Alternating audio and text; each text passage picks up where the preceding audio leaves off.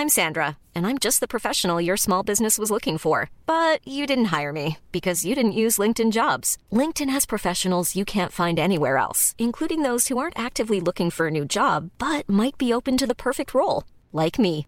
In a given month, over 70% of LinkedIn users don't visit other leading job sites. So if you're not looking on LinkedIn, you'll miss out on great candidates like Sandra. Start hiring professionals like a professional. Post your free job on linkedin.com/people today.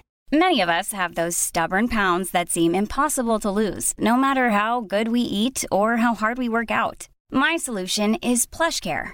PlushCare is a leading telehealth provider with doctors who are there for you day and night to partner with you in your weight loss journey. They can prescribe FDA-approved weight loss medications like Wagovi and Zepbound for those who qualify. Plus, they accept most insurance plans. To get started, visit plushcare.com slash weight loss. That's plushcare.com slash weight loss.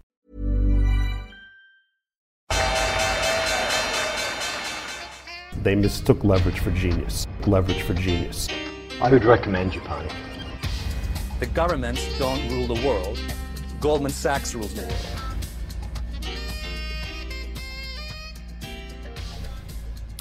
Velkommen til en ny episode av podkasten 'Tid er penger', en podkast med Peter Warren. Eh, Jeg heter produsent Sverre, og sitter her med Peter nå, og vi har en del temaer vi skal ta opp. Eh, Før vi starter, så tror jeg vi eh, presenterer vår partner i podkasten, som er IG Markets. IG er en nettmegler for private investorer og tradere som er aktive i finansmarkedet, og som eh, kanskje har litt kortere perspektiv på hver enkelt trade. Eh, spesielt etterlagt for det. Hos IG kan du handle et bredt spekter av markeder, norske og utenlandske aksjer, både long og short. I tillegg eh, så kan du ha handle eksotiske råvarer som appelsin, sukker, og du kan handle valuta, og du kan handle statsobligasjoner, og en del eh, diverse kryptovaluta. og Det er stort sett alle muligheter når du skal trade. og Veldig mange som hører på denne podkasten, er jo også interessert i kortsiktig trading, og da er IG en bra, et bra utgangspunkt. Eh, I den forbindelse så kommer IG til, til å arrangere en event i Oslo nå 9.10.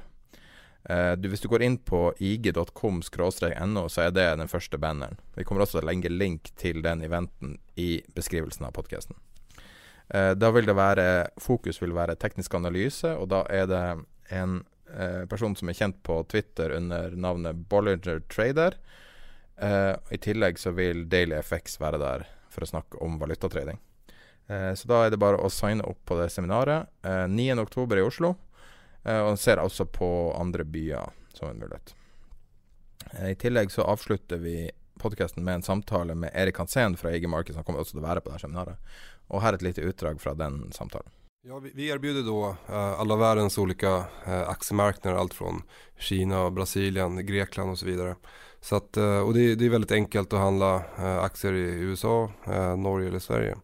Eh, det som också är väldigt enkelt och som vi får in många kunder från det, det är på grund av att eh, vi erbjuder ett stort, eh, ja, stort utbud av blankningsbara aktier, alltså short, shortingsbara aktier som man kan shorta.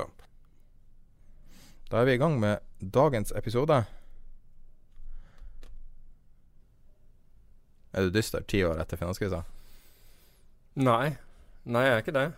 Uh, Hvor er vi nå? 1. oktober, husker du hvor vi var da? Sånn, hvor, hvor langt inne vi var da? Nei, det husker jeg ikke, men, uh, men da, var- da, var- Da var satt nervene der, i hvert fall. Ja, altså, da var det problemer. Det var helt klart. Helt, altså, da hadde jo limen gått uh, over ende, og markedslikviditeten var svært dårlig. Um, Kredittobligasjoner, bankobligasjoner var jo priset på nivåer som, som tilsa konkurs for til og med noen av de største bankene. Det var helt, ut, altså det var helt utrolige nivåer. Det var nivåer du aldri hadde trodd du ville se. Og, og poenget var at de, de var så lave. Altså Man forsøkte å holde dette markedet oppe med å si at markedet var et helt annet sted, men i dag finnes det jo informasjonssystemer, og det gjorde det den gangen også, som man kunne sjekke. Og da så du at, eh, at de prisene som bl.a. norske meglerhus indikerte, var, var ti poeng feil, altså og enda mer. Altså det, det reelle prisene var så mye lavere. Og, og de var så lave at At du kan ikke annet enn altså Istedenfor å bare gjøre en sånn løp og kjøp, så tenker du at det er noe jeg ikke skjønner her. Det, det, må være noe som er mye verre enn det jeg har fått med meg, og som ennå ikke er kommet til overflaten. For hvorfor ellers skulle noen av de største bankene, og det er ikke sånn Morgan Stanley og disse herre, være villige til å selge ta f.eks. DNB-obligasjoner på 30 øre på krona. Altså til en Konkursprising? Ja, rett og slett konkursprising. Mm. Altså en, en, en, bank eiet en tredjedel av, uh, av, av norske stat. Og, og, det Altså, det ble en sånn Det var vanskelig å forestille seg hvorfor det skulle være slik, og du trodde da derfor at det er noe som du ikke får med deg her. Altså med andre ord myndigheter, sentralbanker snakker sammen om å gjøre et eller annet, og, og, og dette kommer til å ha voldsomme eh, ringvirkninger. Ellers så kan du ikke forklare denne, denne, denne prisingen. Men etter hvert så, så, fikk vi jo tillit til nok til at vi, at vi var kjøpere. Men til å begynne med så var, altså, var nedjusteringen så voldsom, og likviditeten fullstendig manglet. Også for en trader som deg? Ja, ja, absolutt. Fordi uh, altså vi, vi, vi, fikk jo blant annet altså Vi hadde jo allerede begynt å kjøpe uh, på det tidspunktet. Og så, og så, snakker vi da med en av de store marketmakerne i London, en av de store bankene. La være å nevne navn akkurat i dette tilfellet. Og så, og så si, spør vi hva, hva, prisen er. Og det var Jeg tror det var på Vi fikk pris på Nordea og SEB og DNB sine, sine, bankaksjer, i tillegg til en del andre ting. Vi handlet uh, mer internasjonalt også. Og, så, og for det første så er jo likviditeten veldig lav. Med andre ord, de vil ikke handle f.eks. For, for en eh, Du får ikke handlet det som var vanligvis lett å gjøre mange millioner, fem-ti millioner av gangen, fikk du kanskje én million opp, altså eller en halv million til og med, man, man ville. Til en dårlig pris også, sikkert. Ja, og så husker jeg ikke ak akkurat hva Jeg tror det var noe sånt som markedet er jeg tror markedet er 24-26 eller noe sånt. 24 kjøpere eller 27 selgere, et eller annet sånt. Altså ganske bredt mm. i, i, poeng. Og så sier han Han er veldig aggressiv, han der. Hva, hva, hva du vil gjøre? Hva, hva, vil du gjøre? Ikke sant? Altså, jeg kommer ikke til å holde prisen. Og så, og så sier jeg at nei, jeg kjøper, men jeg kjøper lavere. Og så sier han ja, hvilken pris er du kjøper for, og hvor mye er du skal ha? ikke sant? Og, jeg, jeg tror, og så sier jeg at jeg, vi, vi er egentlig bare forsøker jeg å få roet ned. Så sier jeg vi er 22 bid for, uh, for, for, for, for 10, altså 10 millioner. Og det, husk på da, han har akkurat sagt at kjøperen ligger på 24. Hans egen kjøper. Mm. Og da bare, så 10 under. Eh, ja, og da bare roper han til meg 'You own them'. Mm. Og jeg tror, jeg tror, han tar feil. Altså, jeg tror ikke, jeg, tror ikke på det. Altså, jeg, jeg, tror jeg hører feil. Men er du juridisk uh, så, eier av det, da? Nei, altså du kan si at hvordan er det, Dette er jo en markedsetikk også. Mm. Men i og med at han, han quoter dette 24 kjøper selv ja. og gir Du kan dispute det, da. Ja, ikke sant. Altså, greiene er og, Men jeg liksom, Fordi han, han, spør meg for hvor mye, ikke sant. Og, og så bare bråsnur altså han bråsnur You own them. Og så, så Det er litt sånn Du blir helt stille, og så sier jeg Har jeg fått på 22? Ja, du eier de på 22. Du eier 10 millioner på 22. Mm. Altså, han, og han er superaggressiv.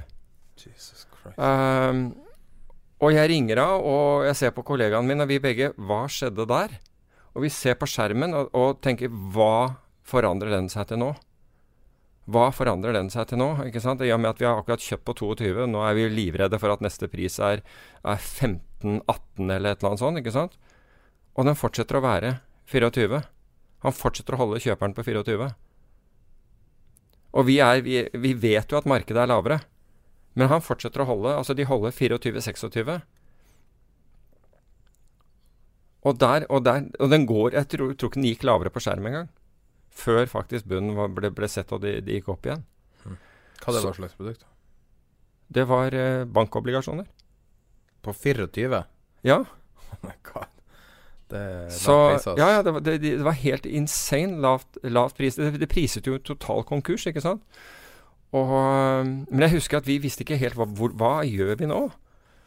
Altså, Vi kunne jo ikke gå ut altså, Det ville være fristende å begynne å selge på ikke sant, rett og slett for tradingsbiten selv, men vi blir jo sittende på dette her og lure på Nå kommer det et eller annet. Altså han, At de holder kursen kunstig oppe.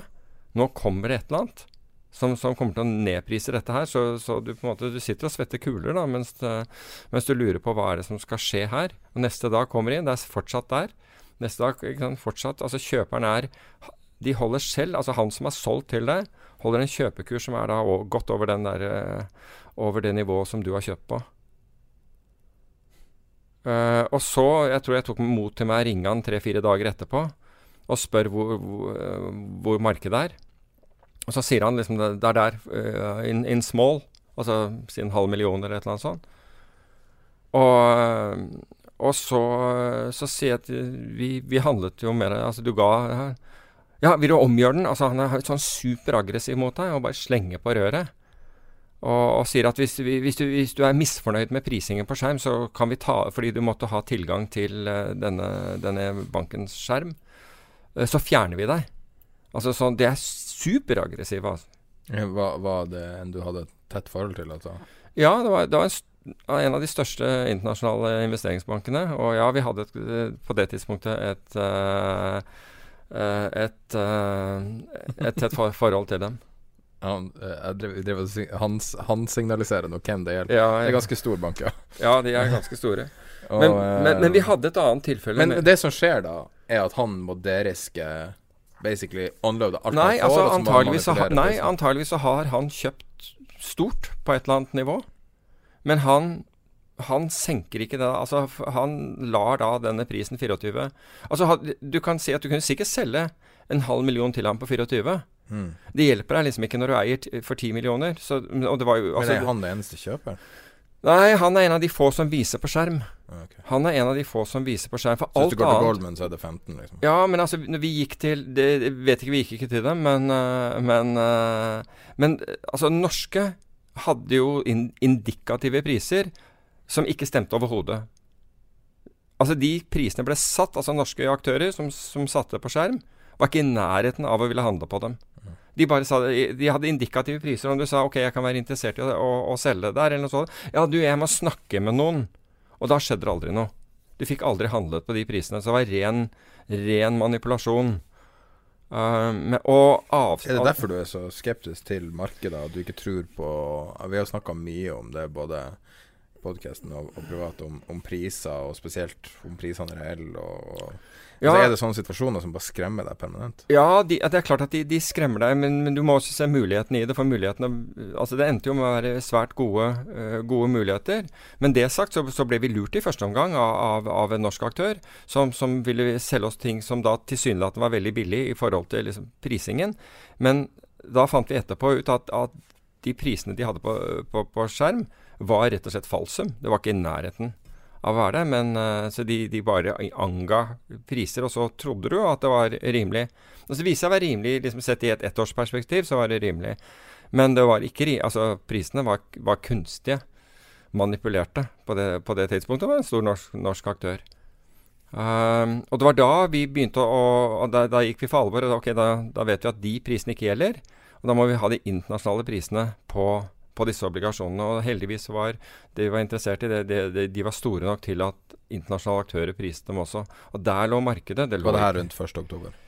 Nei, jeg husker ikke akkurat når det, når det, der var, men dette var liksom in the deep of, of the crisis. Når ting virkelig så, så, gærent ut. Eller begynte pent og rolig, og så og da, men, og da hørte vi også om, om norske aktører som kjøpte ting uff ufattelig billig. Det var ikke bankobligasjoner og andre ting. Ufattelig billig, for det var eneste prisen. De, de som hadde kjøpt disse utlendingene som hadde kjøpt disse av dem, gikk tilbake til disse her, og de var ikke interessert i det hele tatt. Så de kunne prise ting på, altså på kurs 15, da.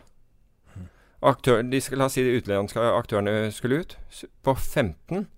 Og så solgte de til, til, til Norsk Meglerhus der, som da solgte det til kundene sine på kanskje 40. I løpet av kort tid. Og de tjente også penger, hvis du Ja, altså meglerhusene tjente jo De kundene også? Dette, dette Nei, ja i, Hvis de holdt. ja, men du, du, kan si Nei, altså Det var ikke så mye som konka i finanskrisa, egentlig. Altså. 21 norske high yields-obligasjoner eh, konka vel, så vidt jeg husker. ja Vi hadde rekord i forhold til størrelsen på markedet. Nor, nor, norsk, norske high yield-markedet hadde i, relativt til størrelse på markedet hadde rekord i konkurser. Men hva, var, hva skjer med For at uh, Altså covenantene var så dårlige. Ja, det det. Ikke sant? Ja, det var så dårlig. Så du kan ikke drive og få Nei, altså investorene var så dårlig sikret. Ja. Men, men det har blitt noe bedre etter hvert. Det er jo masse usikre obligasjoner fortsatt. Ja, fordi du husker, Det hadde Norsk Tillitsmann bl.a., og det var mye kritikk der fordi at eh, norske aktører var så dårlige, eller eh, folk som kjøpte norske obligasjoner, var virkelig dårlig sikret. Ekstremt dårlig sikret. Vi satt, før vi starta, så satt vi og snakka om clearing. Ja. Uh, og du sier at du var den første som starta Clearinghouse i Norge? Ja, vi var de første. Altså, vi, vi startet jo eh, clearing ikke fordi det var egentlig det vi ønsket å gjøre, men fordi det var helt nødvendig. fordi vi, når vi startet opsjonsmarkedet i Norge, Mm. så måtte du ha en På 80-tallet. Ja. I, vi startet i 87, og tenkte jeg det. Um, og uh, på, jeg tror det var på sommeren eller tidlig på året i 87, etter å ha vært hos både det som i dag heter Finanstilsynet, den gang het Kredittilsynet, og vi hadde vært hos Finansdepartementet og, og, og, og forklart om planene våre. Og de hørte på oss, og ingen spørsmål eller noe eller innvendinger kom, så vi startet dette her opp. Og, da var, måtte vi jo sørge for å ta den andre siden av handen, for vi var marketmakere. Så når vi da solgte til noen, så var vi eh, Vi var jo selvfølgelig motparten deres. Altså hvis eh, norsk fonds Vi handlet kun med, med meglerhus. Vi ville ikke handle med privatpersoner eller bedrifter. Vi handlet kun mot meglerhusene. Klarte du å nettohedge? Eller måtte du øfle det? Nei, du, du kan si at vi, vi, vi hedget jo, men du kan si at hvis, hvis noen kjøper opsjoner av deg, så, så har du akkurat solgt et ikke-lineært instrument. Og, da, og selv om det har en delta, da, en hedge ratio? La oss si at du selger en at the money, altså en opsjon med kurs nær dagens kurs. Så vil hedgen din være altså Hvis du ikke får tak i den samme opsjonen, og det var veldig vanskelig For enten stort sett så var folk kjøpere, eller de var selgere. Det var en eller det andre. Så ville vi da eh, i, La oss si vi, vi solgte opsjoner på på 20 000 aksjer, eller 50 000 aksjer. Da Da vil vi typisk kjøpe 25 000 um, altså Dette var opsjoner, at the money-opsjoner på 25 000 aksjer. Så ville vi, eh, eller på 50 000, da ville vi kjøpe 25 000 aksjer for å hedge det, for å være delta-nøytrale okay. på det. Så vi, så vi så jo hele tiden på boken vår, og, og vi så også på korrelasjonene mellom de aksjene som vi, vi stilte opsjoner på. Så det kan hende altså, og, også Det vi gjorde fra det, var å var å, å utvikle det i forhold til hvilken indeks, altså Oslo Børs eksponering har vi. Vi gjorde om til OBX, om, om du vil. Altså Du har jo f.eks. en beta på DNB i forhold til uh, i forhold til indeksen og på Norsk Hydro i forhold til indeksen osv. Og, og så så vi på Av og til så så vi på hvilke indeksekvivalenter har vi her. Altså er vi long eller short hele markedet? Og så balanserte vi kanskje med noen av de andre, andre aksjene. eh, Slik at, og, og så på korrelasjonen for å, for, for å på en måte få en så veldig versifisert bok som mulig i forhold til markedet. Så vi satt jo, altså, Men vi tok jo risiko, fordi folk kom inn og handlet. Da, da, hadde, vi et, da hadde vi umiddelbart et hedging-problem. Eller i hvert fall en hedging-utfordring, fordi du, du trengte å hedge det. Og hvis markedet gikk da, så kunne det være at du hedget det mye dyrere. Det er ikke som i valutaopsjoner, hvor når du handler opsjonen, så handler du hedgen samtidig. Fordi opsjonsprisen din er basert på en, en kurs. Og der får du hedgen av motparten. Så det, det er litt annerledes. Det er mye lettere på en måte å stille i, i valutaopsjonsmarkedet. Og beløpene er svimlende mye høyere også, for å si det på den måten. Men det er mye lettere å gjøre, gjøre akkurat den hedging-biten er mye lettere å gjøre der. Vet, bare grunnen til å spørre. Hvis og så på den der, eh, det som er på Oslo Børs nå, for du kan jo cleare via børsen. Og det er vel sikkert en, eh, en, en versjon av det du starta, som var på Oslo Børs. Ja, altså, ja, du kan si at det som skjedde, var jo at vi, vi gjorde det. Men det vi ikke jo, visste når vi startet dette her, var jo at, eh, at uh, Fondsmeglerforbundet hadde gjort en, eller var i ferd med å gjøre en avtale, eller- eller allerede hadde gjort, med det svenske opsjonsmarkedet, OM. For OM hadde jo blitt styrterike med å arrangere børsen, altså markedsplassen og clearing. Mm. Og det ville norske meglere ja, altså De, de så, fikk jo stjerner i øynene når de, så, når de så hvor mye OM tjente på dette, her, og de ønsket å gjøre dette.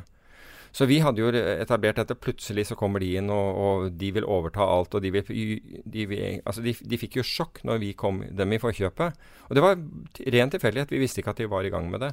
Men de fikk helt sjokk når vi plutselig hadde etablert dette her, og de ville inn. Mm.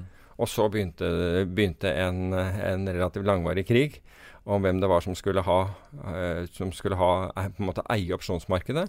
Vår Vi ønsket ikke å eie opsjonsmarkedet. Vi ønsket ikke å være markedsplass eller klerer for opsjonsmarkedet. Vi gjorde det bare for å få funksjonen i gang. Mm. Mens vi ønsket å, å, å leve av å på en måte være marketmakere og prise dette riktig. Det, det var den biten vi hadde. Men da ville alle Altså Norske meglerhus ønsket ikke å ha andre inn på banen. Så vi fikk eh, eh, 52 meglerhus og de tre storbankene mot, mot oss i dette her. Og det var en ganske interessant fight, for å si på den måten. Men så endte det da du, du var børsen, da? Ja, altså vi var marketmakere. Vi var Ja, ikke en børs. Oslo Børs. Nei, vi representerte ingen. Vi representerte oss selv. Vi var marketmakere. Og så hadde du Oslo Børs som en tredjeaktør her, som nå ønsket dette her også, men de ble på en måte overkjørt av alle. Og så begynte krigen om det norske opsjonsmarkedet. Mm. Og det ble liksom ganske voldsomt. Og så får jeg en telefon en dag fra Norsk Veritas, um, som kunne tenke seg å og, og, og begynne med clearing. Og da var det noen norske finansforetak som mente at de kunne være bra motparter i dette. Um, og, så, og som spør om, jeg, om vi kan ta et møte. Og akkurat da hadde vi så ufattelig mye å gjøre, og jeg sa at den eneste muligheten er at jeg kan møte dere klokken seks om morgenen.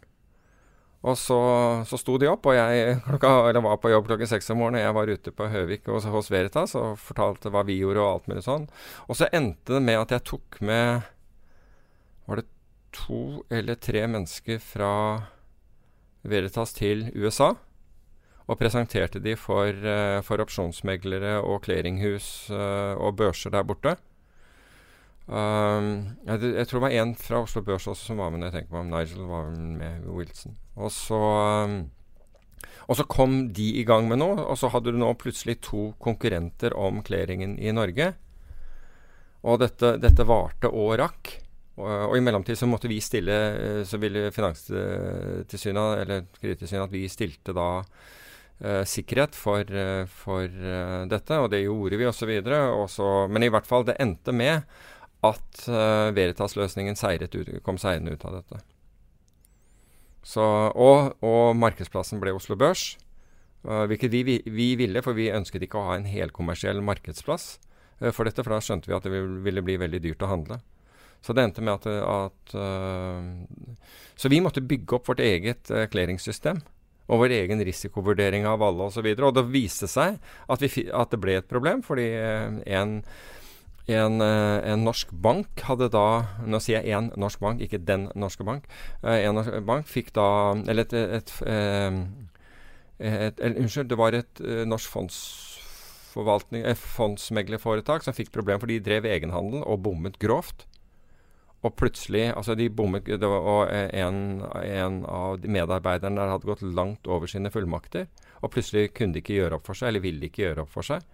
Så, så det ble reelle, altså det ble reelle utfordringer i, i, i dette markedet. Men vi, vi hadde nok kapital til å dekke opp dette i mellomtiden. Men vi ble da tilkjent dette etter at det hadde Jeg tror det hadde gått- gjennomgått én eller to rettsprosesser, så fikk vi, fikk vi oppgjør. Men uh, jeg tenker i forhold til eh, I forhold til hvor uh, Nasdaq og Einar Aas er i dag, så altså Det er veldig relevant, det. ja, det er veldig relevant. Jeg, jeg har tenkt på det etterpå, at eh, liksom den Det som faktisk kan være en, en, eh, en sort svane i dette her, det er, det er jo Den sorte svanen er på en måte at, at clearinghuset har blitt truffet. Altså truffet såpass mye at de har måttet dyppe inn i, eh, i, de, i fondsmidlene sine. Altså 70% av fondsmidlene deres måtte brukes på, på, på denne handelen for å, for å kunne utføre ø, oppgjør. ikke sant? Fordi Aas tapte mye mer enn han hadde, at han, han, hadde, han hadde penger til å dekke. Og det ironiske, syns jeg, med det, er jo at at posisjonsbegrensningene, slik de var bare noen måneder tidligere, hadde jo gjort, at dette, hadde gjort dette tapet, også for oss en del, mye mindre. Mm. Men så, ville, ma- så ønsket man å øke posis posisjoner. Altså posisjonsbegrensningene, slik at enkeltaktører kunne ha mye større posisjoner. Og dette ble anbefalt av, uh, uh, av Finanstilsynet. Så du kan si at Finanstilsynet bidro faktisk til at årstapet ble så stort som det ble. Og det er ganske interessant. Det har vært inter veldig interessant å høre beveggrunnene. eller vurderingene til Finanstilsynet når de nær doblet hvor mye Og som alle har sagt i ettertid, er helt ville. Altfor store. Ingen skal kunne ha så store posisjoner. Det var jo helt absurd. Og så har Finanstilsynet bidratt til det. Men de, det man ser, er at de har jo ikke kommentert dette her engang. De, som vanlig så blir jo de helt tause når, eh, når et eller annet går galt. Men uh, nå får vi Det er så interessant der at det henger sammen så mye. Når du ser liksom jeg, Før vi starta, så ser du at uh, Bloomberg drar koblinga. For at vi drev og diskuterte clearing, var sånn det starta. Og så, så, lurte jeg på liksom, om Oslo Børs nå på en måte offloada all risken til, til LCO Clearnet i London. Mm. Eh, eller jeg vet ikke, det er globalt, da. Og, LCH, og, som er London Clearing House, bare ja. så vi forklarer hva det er. Ja. Det ser ut fra på Oslo Børsen hjemmeside som at de bruker dem og Chayex for som clearing. Sånn, jeg vet ikke akkurat hva, mm. men det er jo likegyldig. Um, men tingen at alle de her tingene henger sammen. Og så drev vi og så Skal jeg prøve å se om jeg klarte å finne hvordan sak Det var en stor sak om LCH for, uh, for sånn ca. ti år siden. Mm. Det var for ti år tilbake? Ja, okay. Ja, åtte eller ti. Var, jeg husker det var plutselig over natta, så visste alle hva For det var aldri noen som snakka om clearing før alle snakka om det. Jeg husker mm. ikke, det var en eller annen stor sak. Um, og så I den forbindelse så googla jeg bare for å se om jeg klarte å randomly finne en, en artikkel fra den tida. Og så første artikkelen jeg klikker på, så står det Norwegian Trader osv. osv. Uh, reminiscence of uh, Lehmann. Du ser at alle de her tingene Det er veldig mange som drar koblinger til at de her tingene henger sammen. Ja. Og så en annen ting som er en utrolig fordummende versjon av det, er Det er jo stort sett en finanskrise hvert tiende år, sånn more or less. Du har 2008, 2000-2001. Så har du men 97, før det så hadde 98. du 97 eh, hadde du en, og i 98, 98 hadde du en, i 87 ja. hadde du en. Men, du kan, jo, men hvis du ser at 87 så går det til 1997, så der har du ti år riktignok, ja. ikke sant. Men så får du neste ett år etter, i 98. Og så får du neste tre år etter, altså i 2001. Så, så du kan si at gjennomsnitt forteller ikke så fryktelig mye. Eh, ikke sant? Du skjønner hva jeg mener? Ja, jeg skjønner hva du mener. Vi er på høy tid. Ja, men, men, du kan si at Eurokris og Ja, du, ja og, og um, og det er, mye, det, er, det er, mange ting som er interessante i, i, forhold til det, men tid alene har ikke vært et nøyaktig verktøy for å kunne spå noe som helst. Uh, det er helt andre ting. Altså, men, men, du kan gjerne si at man er på overtid i forhold til det. Men, men som jeg sier, tid, tid, alene, det at du har hatt en oppgang i ti år uh, Poenget er at du har hatt en oppgang på steroider i ti år, hjulpet av myndigheter som har kjøpt verdipapirer. Um, og som har da manipulert markedene det, og gitt de, de, gitt de, tilskudd. Og da kan du si at så, så Japan verst? Ja, det er det. Det er det. Etter min oppfatning så er det det. Men de driver fortsatt med stimuli? Ja, de driver fortsatt med stimuli. Og de kjøper, altså de, de, gjør, de kjøper ikke bare sine egne statsobligasjoner, men de kjøper jo ETF-er bestående av uh, aksjene som befinner seg i den japanske altså Nikki-indeksen. Mm. Og de er de største eierne av disse, disse produktene. Så, og hvem som låner penger til uh, Bank of Japan, det er japanske banker. 90 av japanske banker. Ja, ikke sant? Så det er, altså, jeg, skjønner ikke den runddansen her. Nei, det, men det er jo akkurat det. Det er en runddans. Ja, det er, men det er jo som, som mange har sagt, øh, også også Yngve Slyngstad, altså i, uh, i oljefondet, at dette er et eksperiment som vi aldri tidligere uh, gjort. Altså på, på, en sånn størrelse som vi aldri tidligere har vært. Og ja, utenom, ingen Utenom Japan. ja, men, ja, men ingen vet, liksom, vet utfallet av, av, dette her. Vi vet ikke sant? Vi, vi, vi har ikke noe heuristikker. Vi har ikke noe erfaring med et lignende eksperiment, så vi vet ikke hvordan, det, hvordan skal dette her hvordan skal man komme seg ut av dette? Hvordan skal, hvordan skal man nøytralisere denne enorme gjelden? Og Du vet hvordan England gjorde det på Men, men det er jo forskjellige måter å, å, Jo, men da invaderte de. Da, da, tok de et skip fra Portugal, ja. og så stjal de alt gullet deres, og så hadde de ikke statsgjeld lenger. Altså, vi er jo på det territoriet nå. Jeg håper ikke det. Men uh, nå, er ikke gull, gul. Det er ikke nok gull i verden nei, for nei. å kansellere 21 milliarder Nei, ikke sant. Jo, altså, du, du, har jo liksom det som et problem. Og, men, uh, men, det er jo forskjellige måter å komme seg ut av Altså Man kunne tenke seg å komme seg ut av det, og det er jo inflasjon. ikke sant? For det gjør jo gjelden mindre oh, verdt. Altså Hvis du får opp inflasjon, hvis du får opp produktivitet, ikke sant, så vil du og ved å få opp bunnlinjen, ikke sant, at du får eksponentiell Eh, BNP-vekst da, i, mm. rundt omkring, som, som, faktisk gjør at du kan forsvare disse nivåene og betale ned, eh, ned på gjeld. Men altså så, så, det er jo måter å komme seg ut av det på, men det er helt voldsomt. Og ingen, ingen syns å, å, å, å, bry seg om dette her. Um, men, men, i den forbindelse så, og, så har JP Morgan kommet med, med, med, to rapporter som jeg syns er veldig interessante. Og den ene er jo av han uh, Marco Hva er det han heter? Kolo... Kolonsvik, eller et eller annet sånt? Hva er det han heter da? Jeg, jeg husker ikke Kolonovic, er det? Kolonovic uttaler seg sikkert. Som, som, da har sagt at Som da hevder at den neste krisen vil bli Marko Kolovic. Kolovic, unnskyld. Uh, vil bli, bli, den Og han er jo, si, han er jo vel, veldig anerkjent. Uh, så anerkjent at jeg burde i hvert fall klare å Jo, han er det. Kolovanovic. Ja, ok. ja, at jeg burde, burde klare å Eller Vic. Ja, klare å uttale navnet hans. Men, men, poenget her er at han har da gått ut Han kom med en rapport og, ut, og sier at dette kommer til å bli mye verre. Han sier ikke når den skjer. Det er ikke det som er poenget.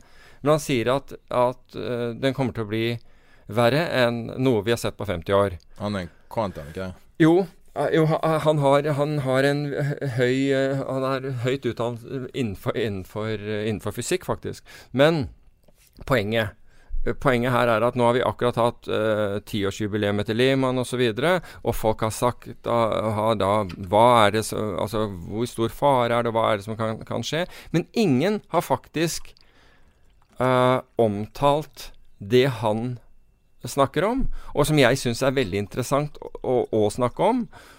Uh, og har vært, jeg har også vært veldig opptatt av Og det er den markedsstrukturen du har i dag, kontra den markedsstrukturen du hadde f.eks. i 2007-2008, og du har hatt ved tidligere kriser. For ved tidligere kriser Så for det første har vi ikke hatt så mye teknologi. Og du har, og du har ved tidligere kriser hatt reelle risikotagere der ute, bl.a. banker, som da har investert mye på egne bøker, og så kan vi si at ja, de investerte for, for mye, tok for mye risiko i forhold til sin egenkapital. Nå har du styrket egenkapital, men, men, banker er egentlig ikke, i, eller i hvert fall i veldig liten grad, interessert i å være uh, å, å, påta seg risk, og warehouse risk, som, som det heter. Så, men så sier folk ja, men se på volumene, se på ordrebøkene, alt ser så bra ut. Hvis du ser på uh, altså ordrebøkene i, uh, på, på, børsene, altså ordrebøkene innenfor aksjer, valuta og alt mulig. Og, og, det er da jeg tenker at folk forstår ikke hva de ser. De forstår faktisk ikke hvordan ordrebøker blir til i dag. For i dag går veldig mye av den kvantitative analysen, altså det som gjør at du har et prisbilde i det hele tatt, går på å analysere ordrebøkene. Så man kvantitativ, man, man ser på ordrebøkene i forhold til mønstergjenkjennelse. Mm. Og det er ikke bare at å, nå ser det ut som det er mye mer kjøpere enn selgere, men de ser hvordan dette beveger seg osv. Og så er det en annen ting som gjør at f.eks. du har priser i Equinor og ta f.eks. Norsk Hydro. Og det er ikke de som stiller prisene der, de stiller Og det er ofte utlendinger. Og det bare se hvem som er de største på Oslo Børs. Det er ikke, det er ikke, det er ikke norske meglerhus som er de største i disse. Det er utenlandske. Det stilles på basis av korrelasjoner med andre oljeaksjer. Så andre oljeaksjer ligger gjerne til grunn for prisingen av norske oljeaksjer, altså den prisingen du ser i øyeblikket, pluss at man analyserer ordreboken. Um, på samme måten så er Statoil og, og Hydro med på å prise andre uh, aksjer i, i, utlandet.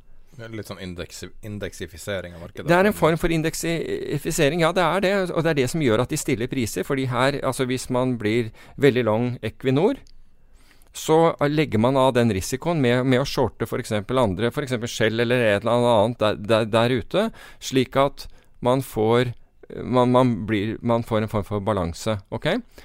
Men så har du dette med ordreboken, og ordreboken er slik at hvis Altså, det vi ikke tenker på, er at det er veldig få reelle ordre inne i ordreboken. Det fins selvfølgelig ordre fra pensjonskasser og andre der, og tradere, altså manuelle tradere, hele greia.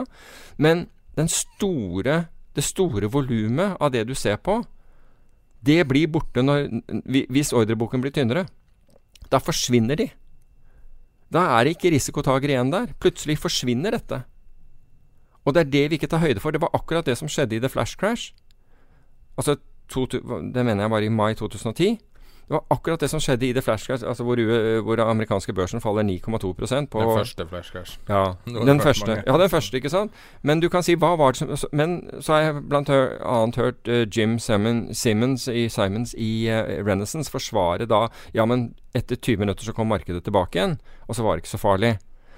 Ja, markedet kom tilbake igjen fordi fordi eh, robotene, om du vil, algoritmene som følger med, de la merke til at dette kun var et amerikansk problem. Det skjedde kun i SMP 500 og, amerikanske aksjer, mens de kunne legge av risken fortsatt da mot en del andre markeder, slik at da kom de inn og kjøpte, for de så forskjellen f.eks. For mellom futurene i andre markeder og SMP 500-futuren ble så enorm at de fikk hedger, og dermed så kom prisene inn igjen. Ja. Men i det øyeblikket du ikke får det, altså i det øyeblikket et eller annet skjer som er, la oss si, mer globalt enn en, en, eh, en ung inder som bodde under eh, innflyvingen til eh, Heathrow. Det er han som har fått skylden for det. Sarao.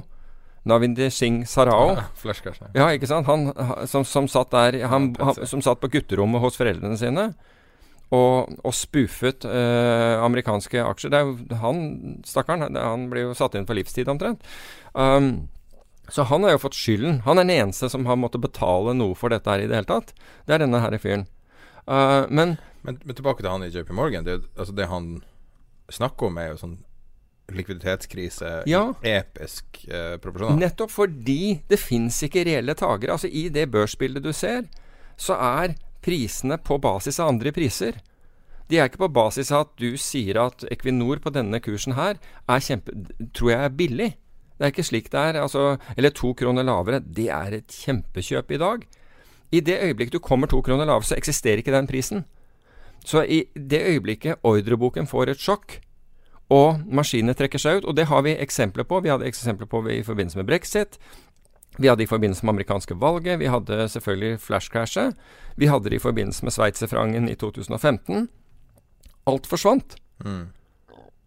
Og hva sitter du igjen med da? Hva ikke sant? Og hvis, får, hvis dette her utløses av noe globalt, så vil det skje i de globale markedene. Og plutselig har ikke disse maskinene en mulighet til å sikre seg i andre markeder, for der, er det akkurat det samme. Og du får en total lik likviditetskrise. Er, børsbildet er tomt.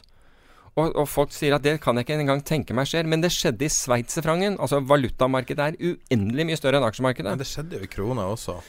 Vi har diskutert det før, og du har vært litt uenig, men jeg husker jo når krona Altså likviditeten i norske kroner var så dårlig at det i praksis var ikke Det var en kort periode, men det var faktisk ikke mulig. pundet. Ja, men det var ikke mulig å handle norske kroner. Ja, det er mulig folk har jo et forhold til det, liksom. Ja, Og, og det, altså det kronemarkedet var Altså det var ikke mulig å gjøre noe som helst størrelse i det. Uh, Altså, under finanskrisa. Eh, ja, det, det, det, det kan nok hende. Altså, jeg prøvde ikke å handle norske kroner under finanskrisen. Uh, jeg hadde nok med, med andre ting. Men i 98 forsvant også, altså da long term capital gikk over ende, da forsvant også likviditeten i norske kroner. Og het de DNC eller DNB i 98, husker jeg ikke, men i hvert fall de sto og var vant til å være marketmaker og være vant til liksom være størst og, og hadde nok av folk og altså de hadde nok av kundeordre. Men de gikk jo på kjempetap den gangen. Men jeg husker selv, altså banker fra hele verden ringte deg opp og spurte om du kunne stille eh, pris i, i, i norske kroner. Um, men, men poenget er at er at, det, er at markedsstrukturen er helt annerledes. For det er, altså i det bildet du ser på børsen av kjøpere og selgere, fins det veldig få reelle kjøpere eller selgere. Det er nesten ikke noe. Det er, det er, eh, det er algoritmer, altså roboter, som, som stiller disse prisene. Og hvis de forsvinner, så er det ingen igjen. Og mange priser på basis av andre. Så, så du sier at ok, jeg vil ligge tredd beste kjøper hele tiden. Ok? Så hvis du er tredd beste, beste kjøper hele tiden, så, så skal du nesten aldri bli Altså, jeg er marketmaker, men jeg legger meg som tredd beste kjøper. Så la oss si at den beste kjøperen er, eh, er eh, på fire, og den tredje beste kjøperen er på én, da, for å si det på den måten. Eller, ikke sant? Altså fire, tre, to, ned, eller la oss si på to. I det øyeblikket eh, kjøperen på fire er borte og går til tre, da går du også ned. Og den eneste gangen du blir truffet, det er når noen kommer inn med en stor ordre som sier 'best'. Jeg selger ned til det nivået. Jeg selger ned til eh, null. Altså, altså tallet 10, da, for å si det på den måten, eller 100, ikke sant. Eller hvis, det, hvis dette begynner på 104, så, så sier jeg at jeg, kan selge 1 million aksjer ned til kurs 100. Da, da flasher da den ordren inn, og treffer da 4. 3,9, 3,8, 3,7, alt det der eh, hele veien nedover, til den er tom. Og hvis det, den er tom på null, så er, så, så, eller den stopper der uansett. Så hvis de én million aksjene så har kanskje blitt kvitt i et dårlig marked, da, så har det kanskje blitt kvitt 100 000 eller 200 000 aksjer ned til, for alt annet trekker seg unna. Men idet ordren kommer rett inn og, og, og, sier at ok, jeg er villig til å selge ned til det, så kommer den ordren inn og bare treffer alt som er i, i bildet. Ferdig. Og da kan det være at du får. Men ellers så får du ikke. Og jeg kan love deg, i det øyeblikket du har fått da på, på tre poeng under, under, kjøpekurs, så er neste kjøpekursen din vesentlig under der igjen, mm. osv. Så, videre. så dette her bare forsvinner. Og så sier man ja, men har du bare flashcash og, og, og, så, som bevis for det? Nei, du har hatt ETF-krasjer, du har hatt krasjer i, i enkeltselskaper. Det fins plenty. Men da har det vært andre ting som, som, har stått rolig, slik at man kunne hedge seg, og da kommer man inn. Så i sommer så kommer da JP Morgan og det er ikke samme, uh, samme, forfatter, men dette er JP Morgan har et sånn eget sånn institutt som studerer markedene, ut, uh, markedene. Og de kommer da med en rapport som er ganske interessant, og hvor de har da analysert markedet under, uh, som jeg nevnte, brexit, amerikanske valget, under Hva er det vi har i tillegg til Siste årene? Ja. Det var brexit, amerika eh, amerikanske valget de, Korea, sikkert. Ja, de har flere ting som de så på, i hvert fall. Uh, under Ja, de, sånn så på, de så på sveitserfrangen også. De, ja. de, så på det derre For å se hva er det som Hvem er det som er der? Hvem er det som er i markedet? de har sett på valutamarkedet, de har sett på aksjemarkedet. Men i valutamarkedet så skulle, var jo tra tradisjonelt banker som var markedmakere. Ikke sant? De er ikke-eksisterende. Så det de sier, er at de forsvinner. De forsvinner. Vet du hvem det er som står igjen? Hvem, hvem som sto igjen når alt dette her var, og var faktisk i markedet? Industrielle, kanskje? Nei. Ikke engang, altså De ordrene ble bare fullstendig fylt. Men de, de, var, de, industrielle var gjerne på den andre siden. fordi når disse tingene begynte å falle, så hadde de behov for å selge. Mm. Og bankene var ikke der lenger. Bankene kommer inn når det har blitt ro. Ja, Så det er tradere igjen? Det skal si. Ja, det er hedgefond. Tro det eller ei, det er hedgefondene ja. som, som, har vært der. De mest forhatta av alle? Ja, de mest forhatta av alle. Det har vært de som har kommet inn og vist og, og, vært i markedet. Mens bankene kommer inn igjen etter at alt har roet seg ned. Da kommer de inn og stiller priser igjen, men da er de bredere. Men da kommer de inn igjen. Men mens ting skjer, er de borte. Det, det minner meg på en ting som jeg hadde tenkt å, å og nevne det. det var, jeg hørte på en podkast i går, jeg husker ikke hva den heter. Jeg skal dele den i, i beskrivelsen. Det, det, var en episode av en, en finanspodkast som, som, bruker av og til å være interessant. ting. Og da var det en han, han, var Jeg vet ikke hvordan rollen han hadde. Litt sånn discretionary type, altså mer sånn tradisjonell trader. Og så, så han jobba med masse quant, og han var mer skeptisk til quant. Og han brukte et scenario han la opp, og da var det eh, Så sier han hvis jeg sitter og har informasjon om at noe ekstremt skal skje, altså atombombe sendes over Korea, eller et eller annet helt vanvittig. Eh, det er noe som ikke vil dukke opp i noe offentlig data. Eh, og Hvis jeg sitter med det, så går jeg til en kvant og forteller han det. Vil du skru av maskinen, da? Vil du override kvantbiten? Eh, og da spurte han en inhouse, han som var liksom Han kalte han Wild Jeg tror han kalte det her med Wild Bill Rule, eller noe sånt. Han kalte okay. kalte han Wild Bill, liksom bare. Mm -hmm. Han var anonymisert. Og, og da sa han nei, du må du stoler alltid på maskinen. Du stoler alltid på algoen. Men det er på en måte det her, det her er jo det du beskriver nå. Det her er jo i ei krise. Så, så, bare, så, blir alle maskinene skrudd av, og så er det bare discretionary igjen. Ja, for altså, maskiner, maskiner, blir ikke skrudd av. De er programmert for å, å trekke seg ut. Men det er jo to, to, to, sider av samme sak. Ja, det er to sider av samme sak. Men når han sier at han stoler på maskinen, så stoler han på at maskinen deres går, går, vekk. Ja. Forsvinner, ikke sant? Altså, maskinen er fin, den, den, den, tåler Poenget er at traderen er ikke død, selv om det kan virke sånn. Og det er jo nettopp det du sier nå. Ja. Og det, er, og det han sier, er at vi, vi, kommer til å få Altså Det kommer til å gå tilbake til en verden med mer sånn uh, Altså discretionary trading, mer stockpicking, mer ja, men hvem er, hvem, er skal, hvem er, det som skal stille opp det? Altså Vi har jo på en måte penalized, altså straffet ja, alle Inntil nå, ja. ja. ja. men inntil nå altså, jeg, altså jeg, Det er indeksfisering av verden. Ja, der men, vi har fått ETF for alt mulig. Ja. Og det driver alt. Ja, ja det, det, driver i hvert fall veldig mye. Men når ingen da stiller plutselig priser på, på, på, på ETF-ene, så, så, har du et reelt problem. Slik at du trenger du trenger risikotageren. Og hva har vi gjort med risikotageren siden, eh, siden 2008? Hva har vi gjort med risikotageren? Jo, det var risikotageren som advarte mot finanskrisen. Det var hedgefond. De ble latterliggjort, og, og de ble, ble, sagt den gangen at de, eh, de var bare ute etter å, å mele sin egen, egen sak, eller Melde sin egen kake. Mel, ja, melde sin egen kake. Hørtes ikke, hørtes ikke riktig ut med sak, men uh, så, så, kulinarisk er jeg. Um, så kom uh, krisen i Europa, hvor igjen det var hedgefond som påpekte dette med Hellas. Hva var takken for det? Jo, de økte reguleringen noe fenomenalt. Altså, hevnet, altså myndighetene hevnet seg isteden på hedgefond. Og så fast forward till today. Danske Bank. Mm. Jeg så, så på det. Hvem var tidlig ute? Hvem var tidlig ute der? Bill Bowder i, i, i, i uh, hedgefondet Ermitage.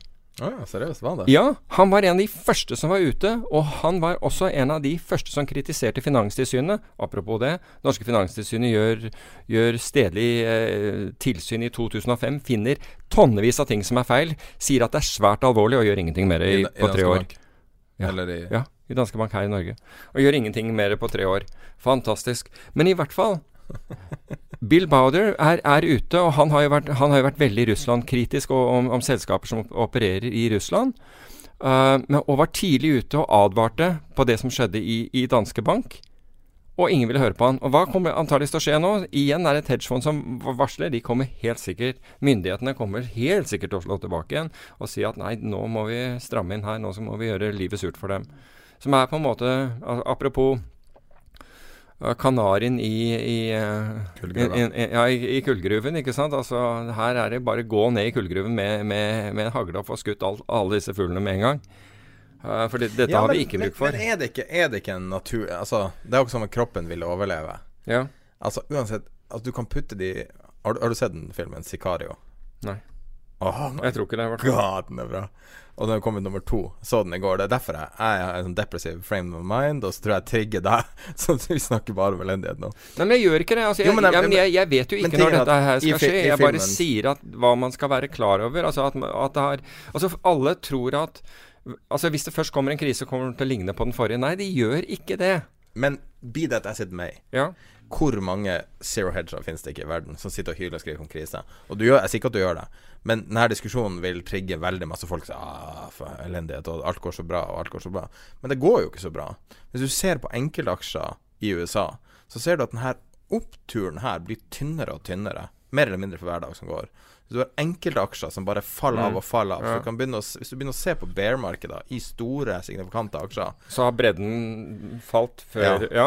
Og, og, det er altså, no, altså indeksen Altså det at, at, majoriteten av trading foregår via ETF-er nå, i hvert fall en veldig stor del, mm. som gjør at det drar med seg mye rart, men du ser at ting begynner sakte, men sikkert å plukkes av som signaliserer at det her er definitivt ikke bærekraftig lenger. Jo, men altså, det er klart at eh, det er en annen, annen ting, siden det først trygger meg med ETF-er. En, en, ting en, en, ting som ikke Som jeg syns er altfor lite oppe i dag når det gjelder ETF-er, det er at det fins ETF-er som nå har så ill som er blitt superstore. Altså de har blitt veldig store fordi de har blitt veldig populære. Ja. Men de inneholder illikvide investeringer. Hm. Og da kan du tenke Ta f.eks. high yield. ETF-ene. Uh, eh, det fins uh, ETF-er på, på mortgager og hva heter det, altså huslån osv. Men hel, he, altså, som har gått kjempebra. Nå har jo high yield-ETF-ene ikke Altså de har jo i hvert fall stanset oppgangen for, for, en tid tilbake.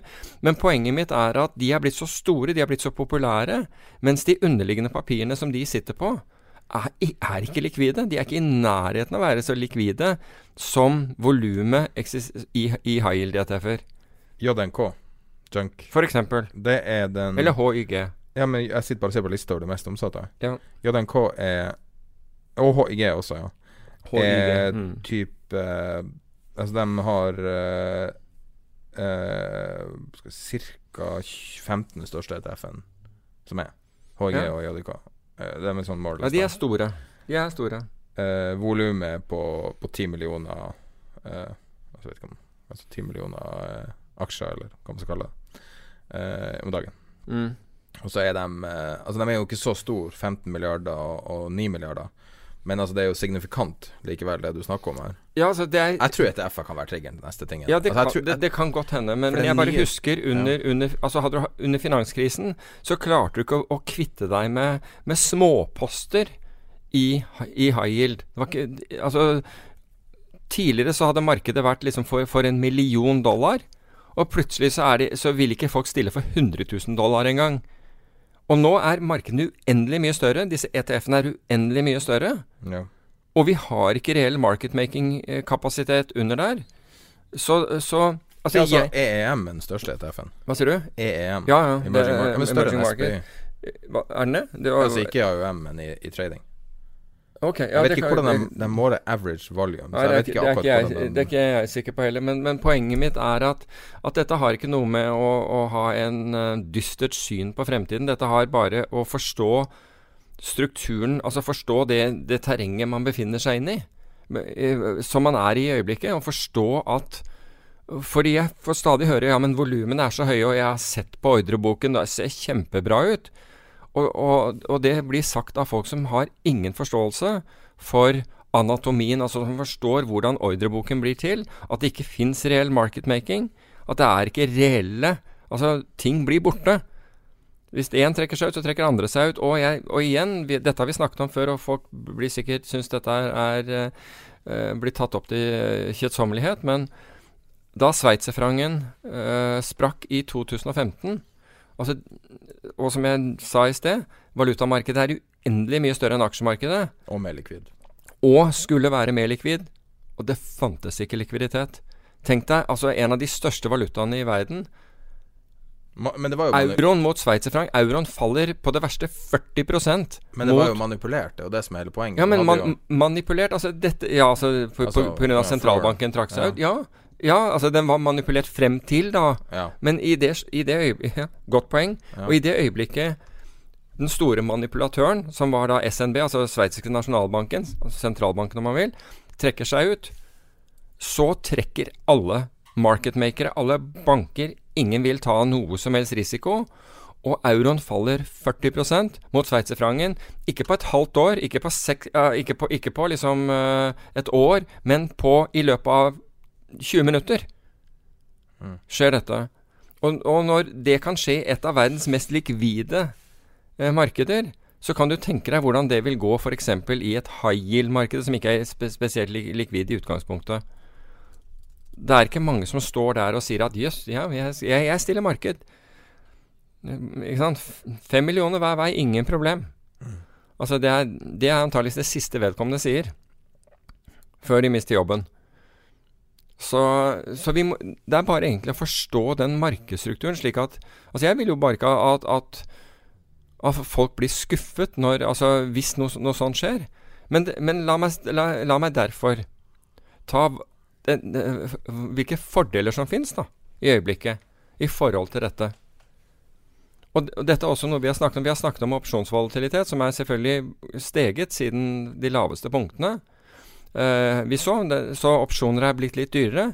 Men de opsjonene priser ikke inn I dag priser ikke inn den illikviditeten som plutselig kan komme i de underliggende markedene. Fordi det, det eneste du kan eie, det hjelper ikke å ha stopplåser, for stopplåsene dine kan ryke 20-30% under der du trodde de skulle gå, eller verre.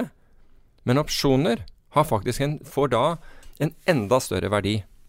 Så det er en skjult verdi i opsjoner i dag. Det betyr ikke at, at forsikring er gratis og billig, og at du skal klare å tjene penger på den. Men jeg sier at pga.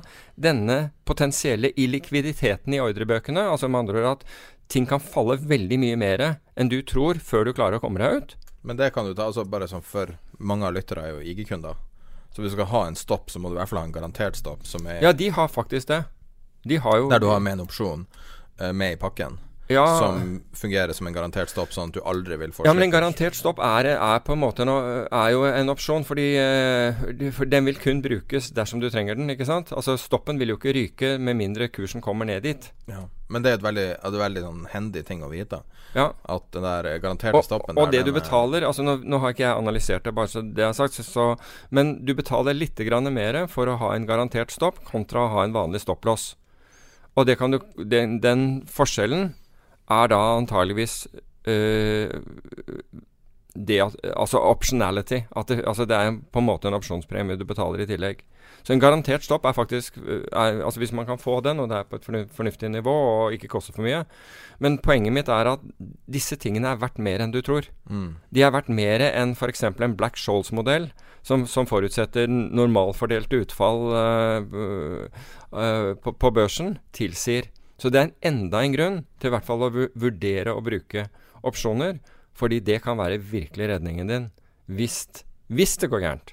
Hvis det går gærent der ute. Hvis, hvis JP Morgan har rett, og at dette at liksom For han er jo opptatt av Marco K. Nå prøver jeg meg, prøver meg ikke engang på, på etternavnet hans igjen. Uh, sier ikke at jeg ikke har evnen til å lære av feil. Um, men hvis han har rett, da Og jeg, og jeg er helt enig uh, med uh, når det gjelder strukturen på ordrebøkene, for jeg har sett det selv. Jeg har sett hvordan, hvordan ting bare rett og slett forsvinner så snart er, noen få trekker seg ut, eller ordreboken bare forandrer seg lite grann. Altså igjen, mønstergjenkjennelse. Kommer til, altså De gjenkjenner et mønster som ligner på noe, og plutselig er alle borte. Um, da vil opsjoner ha Altså da, er, da får du noe som heter excess kurtosis, altså med andre ord vesentlig større sannsynlighet for et fall på, på la oss si tre standardavvik som, som skal skje i mindre enn 1% av tilfellene. Um, e- eller verre, da. Fem standardavvik som vi, som vi snakket om i forbindelse med, med, med, med denne strømtreden til, til oss. Men altså, du får Altså Sannsynligheten for disse er ikke tre standarder, vi kan fem standarder Altså Det du kan lese ut fra en tabell, da. De er mye Altså Sannsynligheten er mye større. Det blir mer du- sannsynlig. Ja, fordi det, du kan si at hvis ku... Altså du kan, du kan lage en, en, en, et regnestykke, eller en, en, en formel som sier at hvis ku, kursfallet er mer enn x, da vil det høyst sannsynligvis bli Ikke sant? Og et Armageddon-scenario. Fordi da vil du ikke ha Rett og slett, da vil ordrebøkene være tomme. Ja. Da vil det jo det du vil diskutere, er filmen 'Rollover', som er 'End of the World' i finans... Ja, Sagt det mange ganger, men det Ja. Gå på YouTube, søk på 'Rollover', så får du se hvordan Nei, jeg, kan ikke, jeg, jeg vil ikke gå god for den, men jeg, det, var det den, den hvor, jeg, hvor jeg hadde rett at det var Chris Christoffersen i den? Ja, okay, nå, nå bare alt stopper. Okay, Ingenting funker. Ja. Men, men du kan si Men at husker du i finanskrisa så hadde for Senatet Så skulle han eh, Paulsen legge fram Han skulle få den der uh, TARP-pakken gjennom. Ja, den første, hvor, ja. hvor de bommer. Ja, de, og TARP var jo den første. Når de skulle inn og backe bankene. Ja, og hvor, hvor han, hvor han har Og så sier han her er, her er det vi står overfor. Uh, det kan være, hvis vi ikke stemmer det her inn nå, så kan det være ikke melk i butikken på mandag, ikke penger i minibanken, ikke strøm uh, i stikkontakten. Verden kan ende hvis vi ikke gjør noe nå. Og i retrospekt kan man si ah, det blir liksom sånn som at eh, eh, når, eh, når eh, millennium-skiftet skjedde og ingenting gikk galt med Mm. datamaskinen. så kan man ah, alt det her uten nytte. Men man gjorde jo masse for Ja. å forhindre det, Ja, ja. og så funka det. Men på samme måte kan man si ah, han overdramatiserte. Jeg er ikke sikker på at han overdramatiserte. Fordi at med tanke på at norske kroner var basically illiquid, Mm. Og at, at ting var prisa til mer eller mindre Alt over null var bra. Og folk tok milliardnedskrivninger på alt mulig Ja, ja. slags ting. At de sto og kikket ned i the abyss, det Ja. store, svarte hullet i, under finanskrisen, det er det ingen tvil om. Men så er spørsmålet da Altså Etter Lehman, da, da var det jo flere andre banker som var helt på grensen. Helt på grensen til å gå. Kjente storbanker i dag som alle sier ja, ville jo aldri skjedd. DNB. Ja, altså DNB pga. Likviditet. Av likviditet. Altså jeg vil jo allikevel DNB var prisa til konk på et eller annet tidspunkt. Ja, på, på, på, i obligasjonsmarkedet. Altså, Litt i aksjemarkedet. Ja, det, ja det, det, du kan jo argumentere med det. Men altså, jeg velger å tro at, uh, at norske, norske stat ville, og, og gjorde, for så vidt kom, komme til unnsetning for det. Men du hadde andre banker. Altså, ikke, eh, altså Du hadde i USA altså virkelig storbanker som var helt på grensen. Men la oss ta et scenario, da. Hva hvis ting går galt nå? Oljefondet er på 8400 milliarder kroner. Er, er det 70% i aksjer, eller husker jeg feil? Uh, det er vel målet, vel? Er det ikke det? Jeg vet ikke om det er kommet opp der. 66,8 Ja. i aksjeinvesteringer, 30% i renta. Ja. Og så litt eiendom. Ja. Når, du, når du husker kritikken som kom forrige gang, da de var Hadde vel 40, hadde ikke det? Altså fra 8,4 til 4,8. Ja. Sånn. ja. Det går fort når det går galt. Ja, det går, går fort når det går galt. Men, da men kan du kan ikke baile ut noen. Da, Nei, men altså huske, huske forrige altså, for, Ved forrige krise så mener jeg at, øh, at oljefondet hadde 40, var det ikke det? 40% aksjer. Og det fikk jo overskriftene fra helvete. Ikke sant? Det var jo, alt var uansvarlig, og alle, var, alle hadde feil, og dette skulle man aldri ha gjort. Det var liksom ikke måte på hvor Mm. negativt det var. Og så ble det en kjempesuksesshistorie, fordi man hadde på forhånd øh, gjort det mulig for dem å kjøpe seg opp til 60, slik at de kunne utnytte utnytte likviditeten. Men tenk deg altså i dag, hvor liksom man, man har da kjøpt seg opp Nå er man på mer enn 60, som du, som du påpeker. Og man ikke har, liksom, står med penger der for å utvide dette. altså Det var jo derfor man kom tilbake igjen så fort. Fordi man, man hadde gjort det vedtaket om å øke, øke aksjebeholdningen i prosent. Altså fra 40 til 60. Og da fikk man altså For, for oljefondets del så altså det kunne jo nesten ikke ha vært bedre. Du, du får plutselig i et, marked som er ned 50% servert rett i fanget akkurat idet du skal begynne å kjøpe. 633 milliarder kroner i aksjetap står det her på deres Ja. egen. Og så eh, 384 i tilførsel, og så steg krona i 2008, tror. Står det her, i hvert fall på deres egen dokumentasjon. Og så året etterpå så hadde de, krona i de hadde et like stor opptur i aksjen. Altså året Ja. etterpå, Ja. på grunn av timinga. Ja, ja. Så 2009 så var det 613 opp og 633 ned. Da. Så de hadde recoupa alt Mm. Ja. et år senere. Ja. I tillegg til at det hadde blitt tilført i perioden 500 milliarder. Så det var way up Ja, ja. året etterpå. ja, ja. Men det har jo også med at de fikk anledning til å kjøpe seg inn eh, når, når ting var billig. Altså, Hvis du sier at du er nær 70 nå, da 66 var det ikke det du sa? 66, 8, men jeg tror Ja. 70 er målet. Ja, nettopp. Og da, har, da kan du kjøpe 4% altså for 4% til. La oss nå si at uh, altså, det er en for, Det er jo ingenting i forhold til hva man hadde anledning til å kjøpe for når man skulle gå fra 40 til, til 60. For da, altså, da økte man aksjeandelen med 50% og det fikk du gjort i eh, mens aksjer var på det billigste vi, vi har sett på fryktelig mange år. Så eh, i dagens bilde, hvis noe lignende skulle inntreffe uh, da er det ikke noe fest å, å være sjef for, for oljefondet eller, eh, eller, eh, eller blant de som har sagt at jo, klart vi skal øke. Fordi pressen kommer ikke til å være særlig nådig eller tålmodig i en sånn situasjon. Men hva, helt ærlig, hva gjør man med sånne summer hvis man ikke investerer det i aksjer eller obligasjoner? Ja, de, har, altså, de er jo veldig begrenset hva de kan investere i. Det er jo, det er jo tre ting. Det er aksjer, obligasjoner og eiendom. Ja, Fins det noe annet? Nei, ja, In- men altså- Infrastruktur. Ja, altså infrastruktur kunne man eh, Bygge verdens beste veinett. Ja, ja, men det gjør du jo egentlig for å opprettholde Altså holde in, inn, eh, økonomien i gang. Ikke sant? Og det er jo Det kan jo være oljefondet, at man bruker midler fra oljefondet til det, men, men det er jo typisk sånn staten gjør i kriser. Ja, men Hvis man skal si at ok, nå skal vi bare deriske alt, liksom. Kan, kan de, så finnes det et stort nok marked til Nei. å forsikre en sånn portefølje? Eller er det bare ikke mulig? Nei, jeg tror at den er for stor til å forsikre. Men det betyr ikke at du ikke skal forsikre noe av den. fordi det er klart at men hvis, altså, la oss si at oljefondet kom inn og kjøpte lav delta, altså out of the money put-opsjoner på, på alle indeksene. Verdens største investor. og sånn. Ja, ikke sant. Og, og det ringer opp en da En marketmaker som egentlig ikke fi, fi, finnes, men sier, Ja, det er Warren Buffett. du, jeg er interessert i Ja.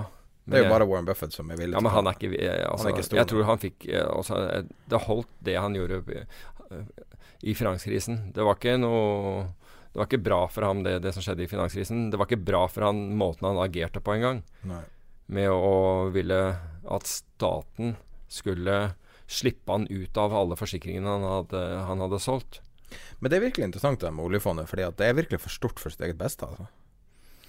Det beste hadde vært å splitte det opp i 40 fond, og så kunne det vært litt mer agile. Nå er det så svært at det, jeg vet ikke hva det kan gjøre. Ja, men det er, det er jo ikke sikkert at du ville få en annen effekt hvis du splittet opp i 40 fond. Altså Det er jo det er litt som norske aksjefond. Hvis du, sprer, eh, hvis du sprer pengene dine på 20 norske aksjefond, så får du ikke noe særlig annen effekt av det enn at du fortsatt har eh, for en indeks, eh, lik børsindeksen.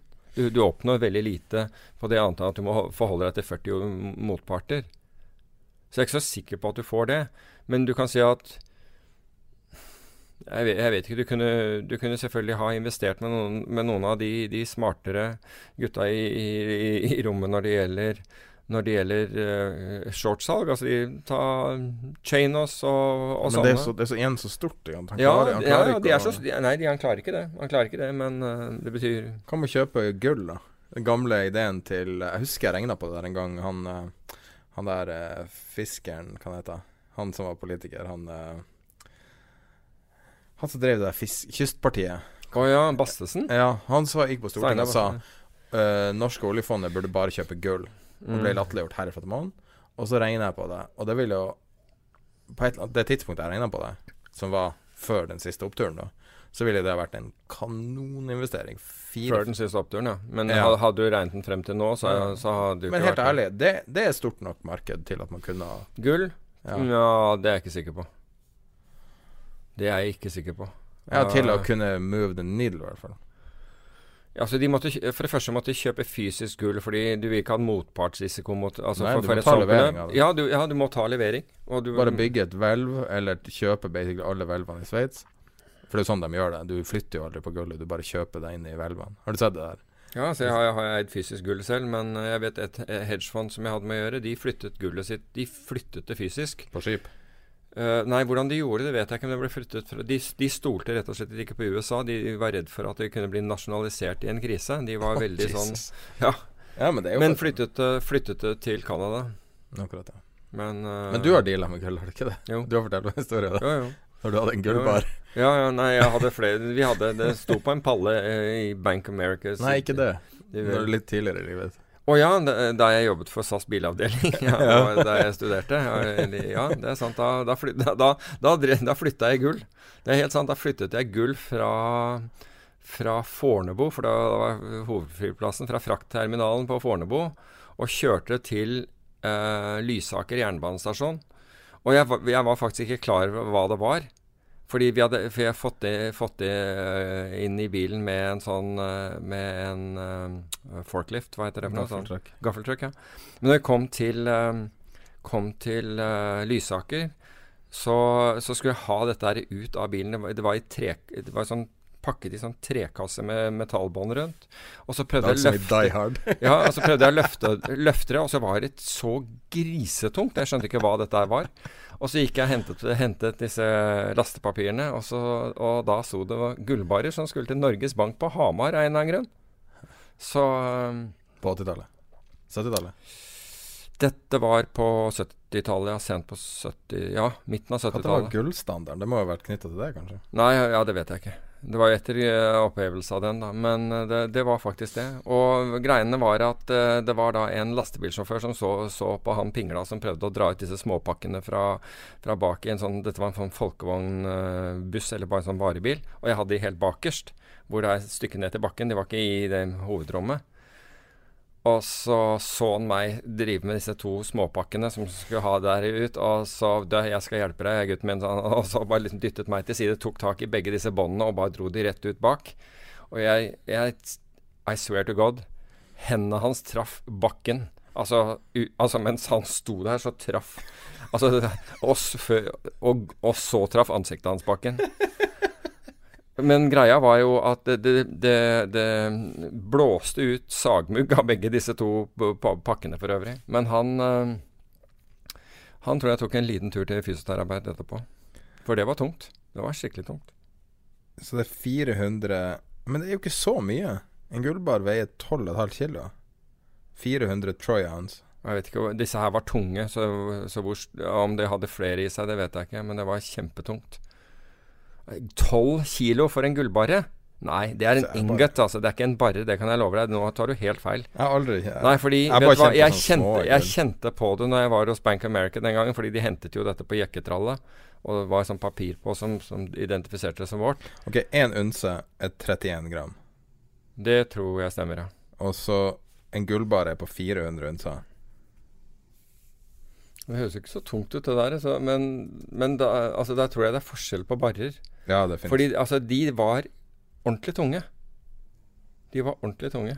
Så jeg vet ikke hva en eh, Altså, jeg vet jo du kan, du kan sikkert få kilosbarer for den saks skyld, men de, der, de standardbarene som er, altså, som er i hvelvene Sånn står det en, en kilo. Det er sånn som en, en sånn, et sånn mobiltelefonstørrelse. Ja, men jeg vet i hvert fall de barene som er eh, de, er de er store, altså. Eller de er tunge. De er veldig tunge. Men jeg vet ikke hvor, Ok, her har vi det. hvor, hvor tungt det er. One ounce, 400 ounce. Har du én tal, én tola Ja, det må ikke spørre meg om. Det går opp til ti tola. Hva enn det Jeg skal ha ti Tola gull. Og, Det må du bestille fra Pamp. og, en, og, en, og en fra Pamp, ja. Og en pakke tyggegummi. Ja, nei. Jeg vet ikke. Jeg har aldri hørt om det selskapet. Hva- Verdens største gullbar Nei, dette var stand... Dette, dette var sikkert standard. 250 kilo er verdens største. Det er. Ja, det var ikke 250 kilo disse her veide, altså. Det kan jeg i hvert Ja, for jeg måtte flytte på 150 kilo alene nylig. Og det er akkurat som en immovable force, altså. En ganske liten ting til 150 kilo. Og det er sånn, du mister viljen til å leve. Det er liksom ingenting som tåler Altså sånn er vippetraller og sånn alt sånt. ja. Du tåler jo ikke det. 150 kilo, det er jo, det er jo altså det er sånn som de fleste syns er vil være tungt å, å gjøre i markløft. Altså, Ja, snakker jeg ikke om atleter, men uh, Ja, altså det er jo veldig tung Altså det er jo en tung markløft, det. Og, og Ja. det her var noe jeg måtte flytte på og, og hive. Og, eh, og det var helt sånn Men det var det så tungt, altså? Det her Det kan, det kan stemme. Ja, det, altså jeg, vet, jeg husker ikke hvor tungt det var, men det var så tungt at liksom Du vet når du driver med altså Vanligvis så var ikke de pakkene du flyttet på og kjørte Nei. rundt omkring, særlig spesielt tunge.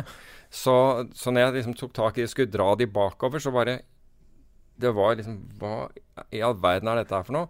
Og så nølte jeg akkurat så lenge med, med, med å prøve å dra dette her ut at han der fyren som sto der og, og med en sånn der eh, slapp Petterøes uh, uten filter i, i munnviken. Uh, og ventet, ventet på, på, på, ja, på tiden på, for at han skulle rygge inn til dette her, og syntes at jeg var Dette skulle han fikse. Hva skjedde med han etterpå?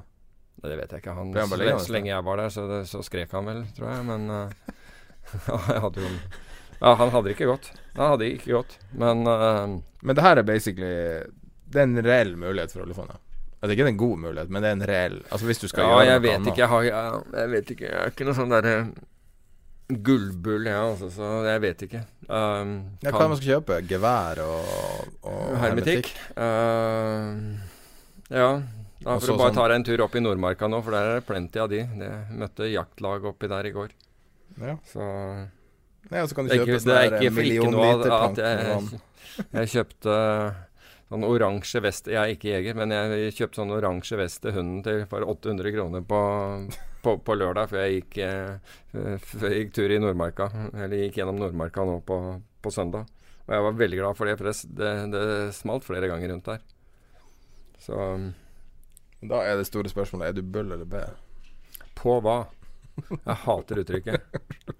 Men eh, Nei, men, men, men du kan si at Ja, jeg OK, olje. Ja, men olje er jeg Altså, jeg er Den er morsom. Altså, jeg er jo I og med at jeg er long olje, og har vært long Ikke sant Gjennom eh, desember 2020 kjøpsopsjon med strike 60 Mm. eh, det, det som er interessant med den, er at oljepri... Den har Den eh, I forhold til spot olje Altså hvis vi bare går tilbake jeg, måtte, jeg måtte smile når jeg, så, når jeg kom tilbake når jeg satt på fly og leste kommentarer på olje, at nå var oljeprisen over 80 dollar igjen. Touchet vel 81-82 dollar eller noe sånt nå. Og da var de som i mai, da oljeprisen var 80, sa at den skulle til 100. Så i mellomtiden så fall, da falt den omtrent direkte ned til 71. Og når den nå var på 81, så var det, var det to eller tre som uttalte seg. Var det ikke det jeg sa? Um, da begynner jeg litt å Altså, de har fått én dollar i, sitt, i sin favør. Ha, I mellomtiden har de, har de hatt ni dollar i sin disfavør. I et veldig gira marked. I et giret marked si, sa den gangen at olje skulle til 100, og nå er den 81. Og så sier de hva var, det, var det ikke det jeg sa? Jeg ble litt sånn Jeg skjønte ikke helt det, men det var, det var to eller tre stykker som hevdet dette, som var nå mm, veldig positive. Det sagt, det, så så har Trump forsøkt å få oljeprisen ned, har jeg registrert, men det var ikke så, var ikke så lett. Det spratt tilbake igjen med en gang. Men øh, oljeprisen har jo da Hva er den har steget? Ca. 26% i år. Mens øh, Nei, det er ikke så mye. Det er ja, 4, 5, 24 tror jeg den har steget. Og så har Men olje for levering i, to, i 2020 mm. har steget 3 eller 4% mer. Så, så kurven er blitt flatere. Mm. Så det har lønt seg. Altså, hele poenget var jo å kjøpe olje lenger ute i tid fordi den var mye billigere. Det var vesens forskjell mellom olje for, for levering um, umiddelbart og olje for levering i 2020. Det var, det var sånn jeg endte opp med den. Men, og det var en opsjon. Altså du kjøpte opsjonen, betalte 8 dollar for den opsjonen, så break-even din er 68 dollar. Og altså den, den, vil jo være en Altså hvis de mot, mot formodning eller forhåpentlig, skal ha, uh, ha, rett, og oljeprisen stiger til 100 dollar fatet, så blir jo dette en fantastisk reise, for å si det på den måten. Får du betalt 8 dollar eh, for noe eh, og har en break-even på 68, og dette går til 100, da har du, noen, da har du en ganske grei avkastning. Hvor mange kontrakter da?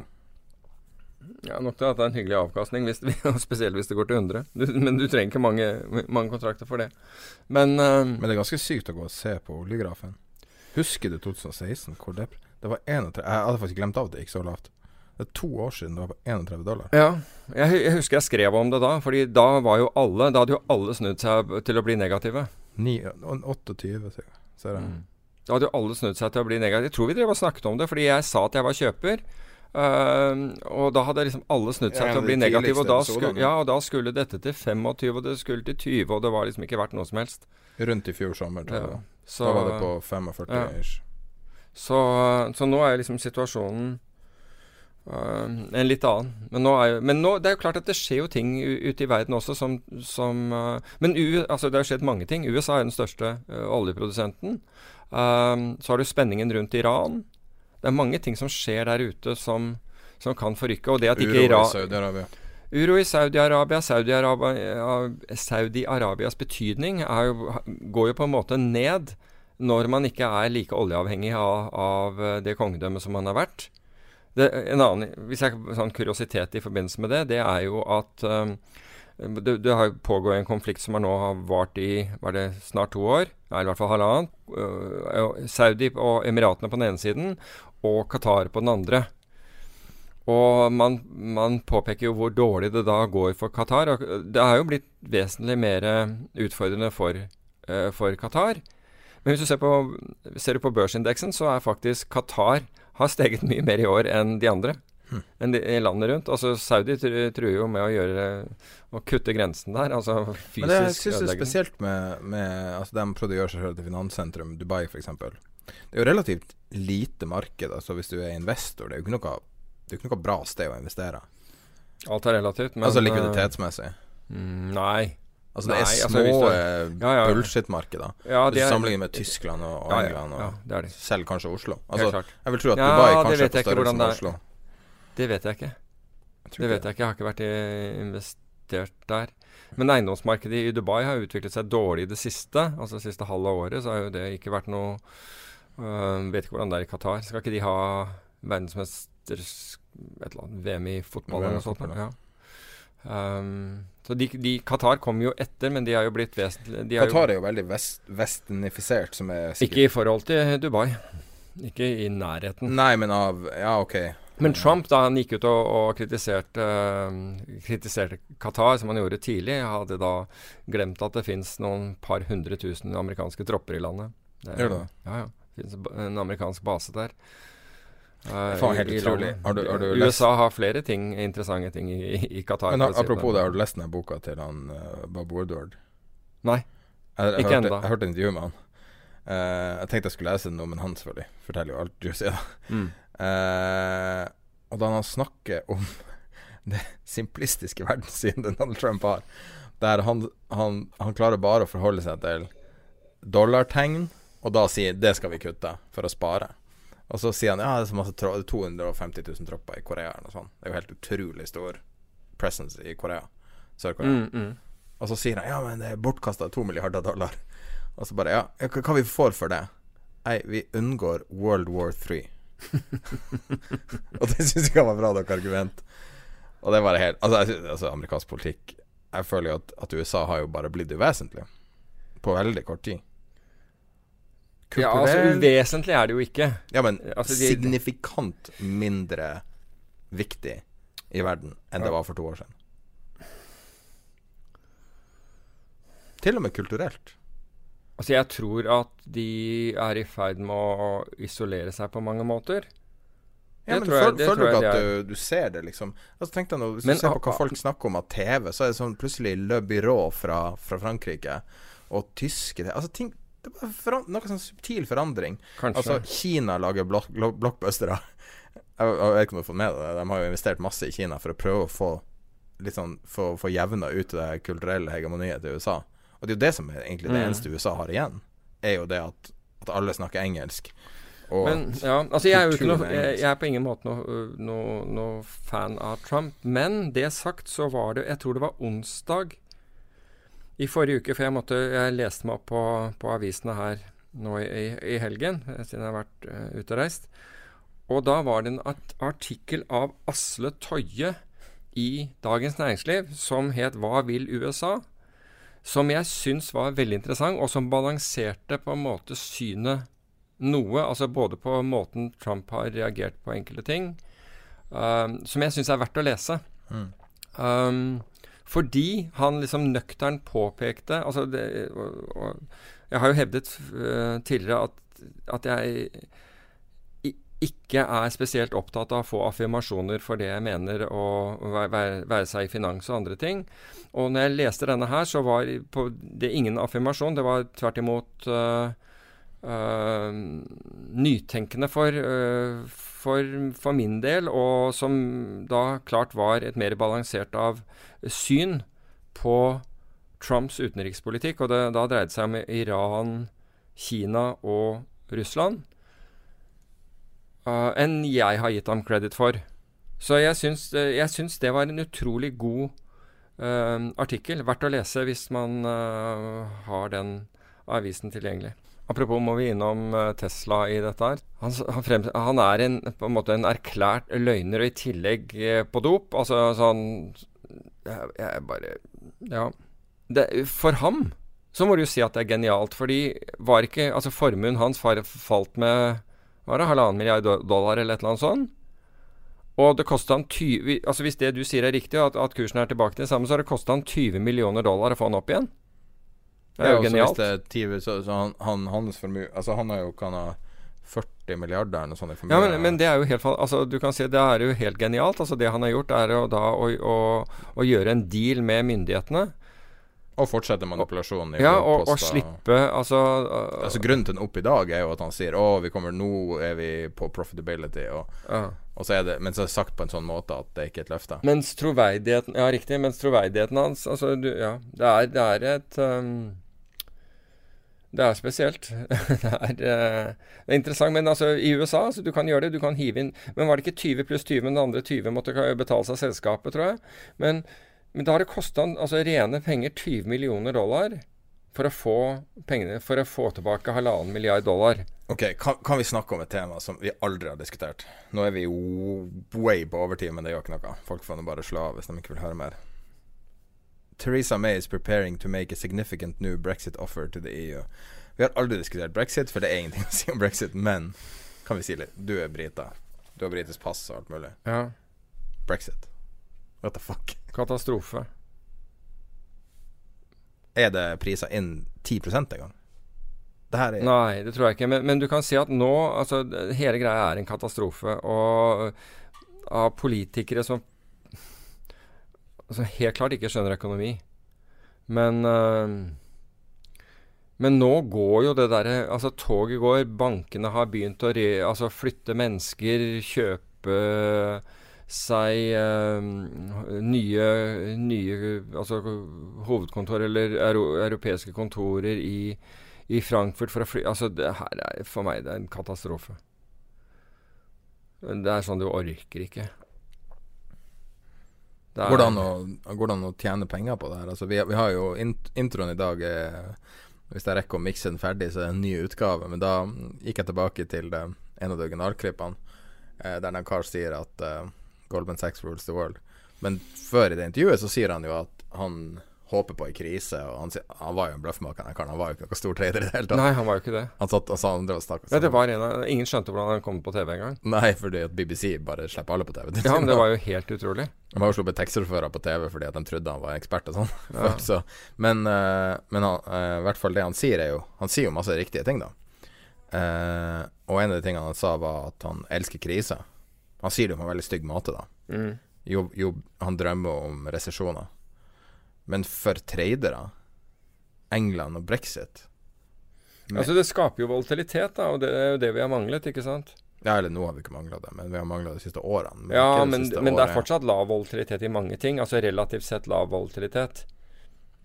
Jeg trekker jo bl.a. Altså bevegelser, altså hvor store bevegelser som er innenfor 15 minutter perioder og, og den type.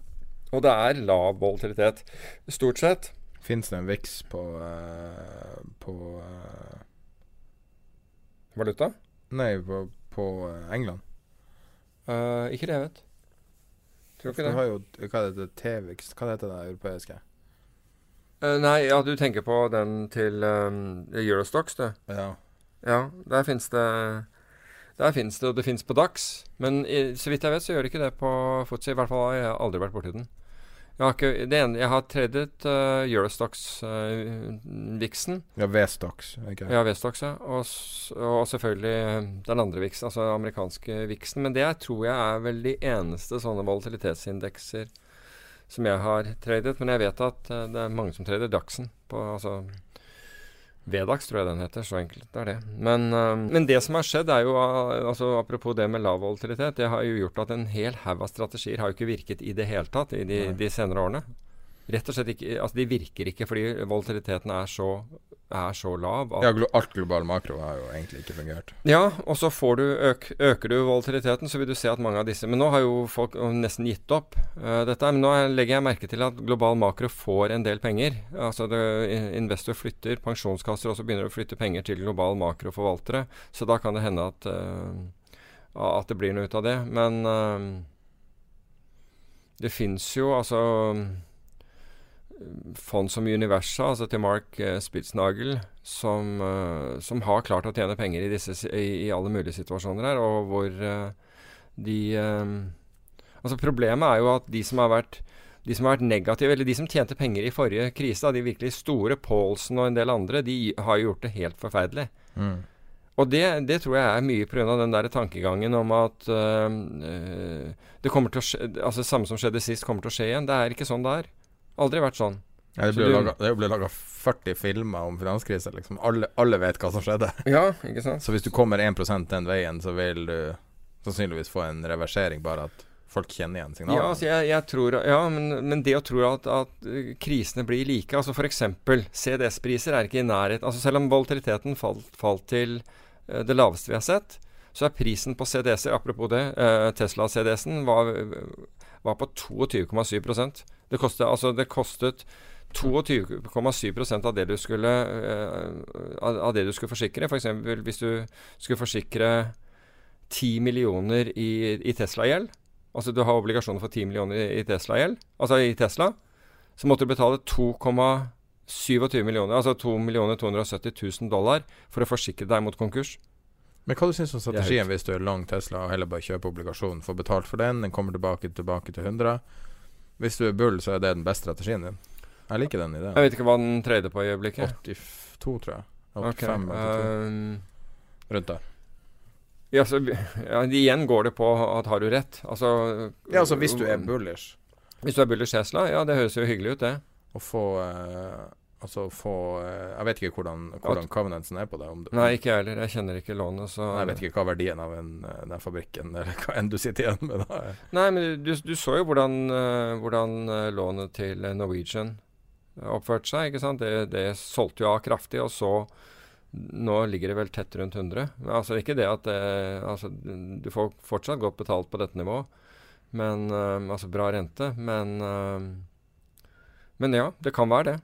Men bare å få renta i tillegg og slippe all den vanvittige volatiliteten ned 13% opp 16% ja, men, altså, Jo, men hør her. Vi, ja, men hvis du, hvis du, nå selger Hvis du nå altså isteden Altså hvis du nå selger eh, en femårs CDS, da, konkursrisiko på Altså du selger femårs konkursbeskyttelse på Tesla. Kan du gjøre det?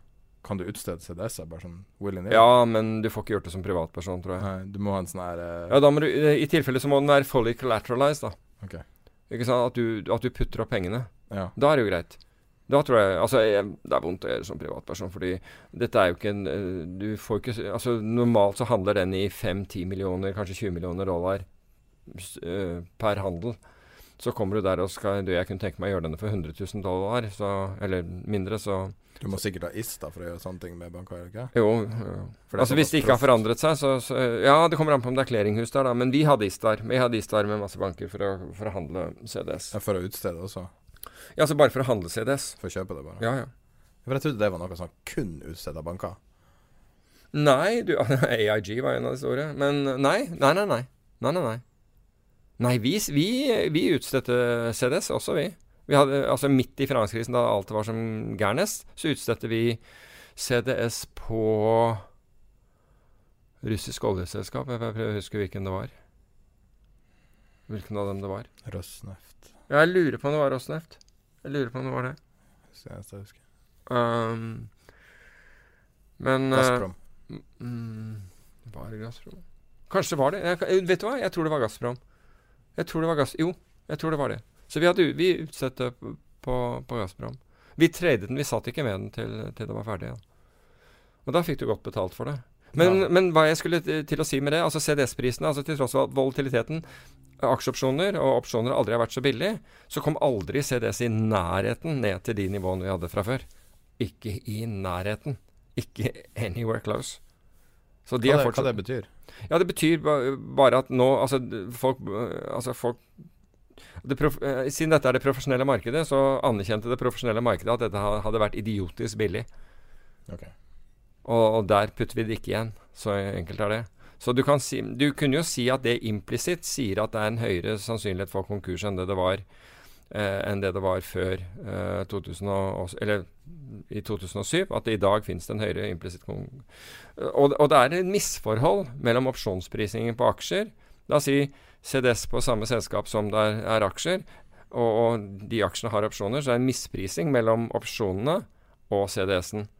Det er helt klart. Og, og, hvis du sier at 2007 var riktig, hvilket jeg ikke sier, for jeg mente at det var helt spinnvilt da, uh, så vil jeg si at det var feil nå. Uh, ellers så var det spinnvilt den gangen og mer enn balansert nå. Hva, hva, nå, er, nå, er, vi på en og en halv time, men uh, det er bare én ting som vi har diskutert flere ganger. Jeg vet ikke om vi har kommet inn. Hvor mange folk som balanserer på uh, Kniveggen? Ja, og, og, folk som er rike også. Altså folk som har mye cash, eller hadde mye cash og nå mye eiendeler, og sitter og girer opp alt til månen.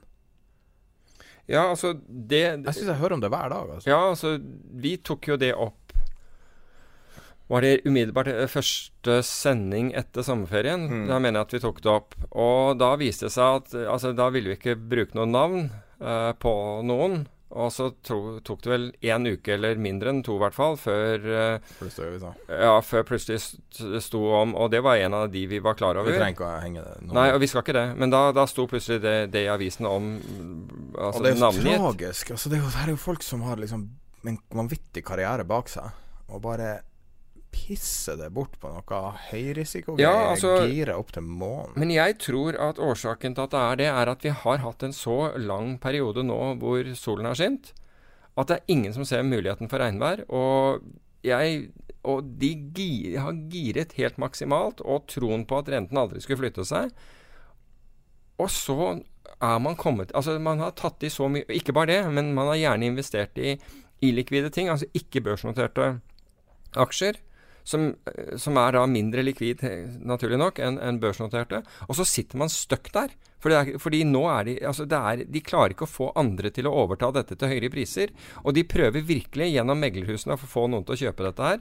Få meglerhusene til å markedsføre at dette her er bedre, og, og her får du en bedre avkastning.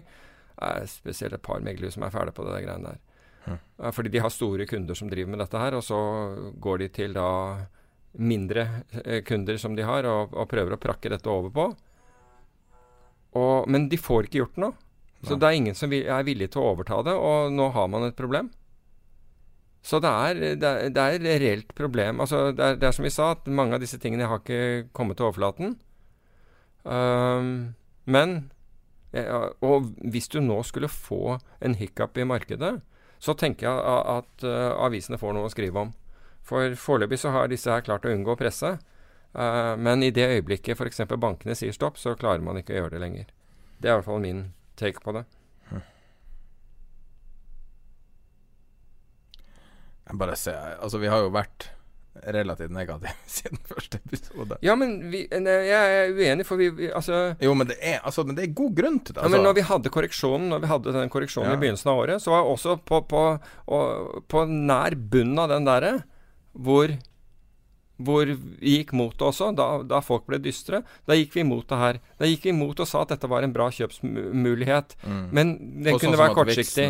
Og det, og, og, ikke, og, det som har skjedd siden, har ikke matured enda, selv om jeg tror det kan gjøre det i din Ja, la oss si om Vi får se. Altså om jeg tror, altså om Hvem vet når dette her er Men jeg, i mitt hode så hadde jeg lenger ut i året før, før uh, før noe liksom Før jeg ville i hvert fall sånn syklisk begynne å bli urolig. Så får vi bare Men det er ikke Jeg skal ikke gjøre det til en forecast. Men uh, jeg er foreløpig altså Men det kan, det kan, alltid skje noe. Tingen er at du burde være forsikra nå, er vel konklusjonen. Ja, altså det er billig å forsikre seg. Så Men Viksen er under tolv. Og, og jeg, tror at, jeg tror også at den forsikringen um, som du nå på Altså, den er mer verdt enn en, Altså, folk evaluerer, altså beregner verdien av opsjoner, ofte på, bas, på, basis av normalfordelte markeder, fordi det er det som ligger til grunn i opsjonsprisingen.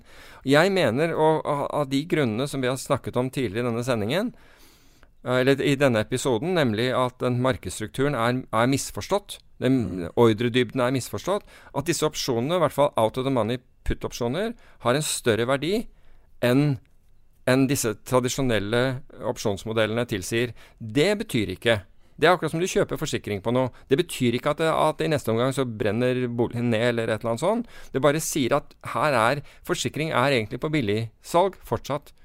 Den er underpriset. Og det er, det, er, det er liksom min, mitt postulat, om du vil. Supert. Da er vi på 1 time og 37 minutter her, så et minutt eller to blir klippa bort, men det blir lang gjennomlytterjobb. Men da kan vi avslutte her. Eh, så skal vi høre på eh, vår samtale med Erik Hansen fra IG Markets. Husk også å melde deg på det seminaret. Det ligger beskrivelse av det i beskrivelsen. Det er vel til og med gratis, er det ikke det? Jo. Ja. Fram til rundt år 2000 så handla nordmenn stort sett bare norske aksjer. Eh, nå er, har ting forandra seg ganske mye, og verden er på en måte åpen for for å handle hva som helst. Uh, kan man handle aksjer fra utlandet på samme måte med IG Market som man handler norske? Hvordan funker det?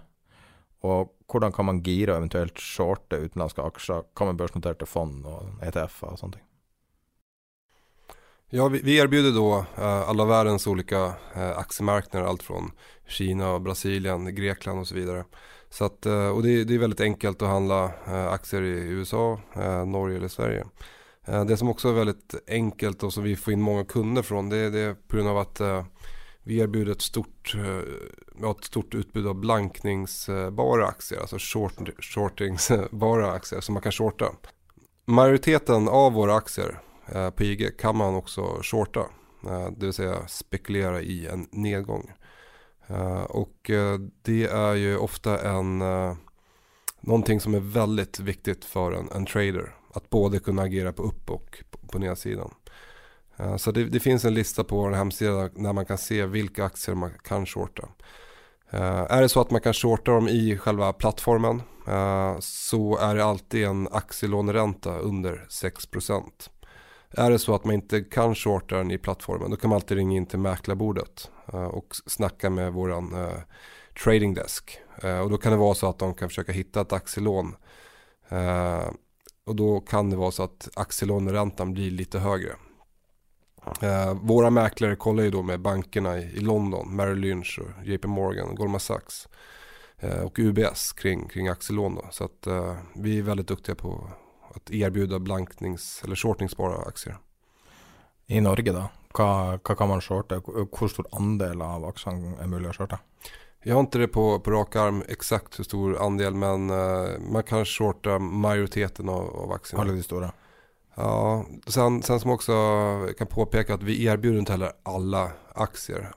Uh, vi erbjuder de aktier som har tillräckligt mycket omsättning, likviditet.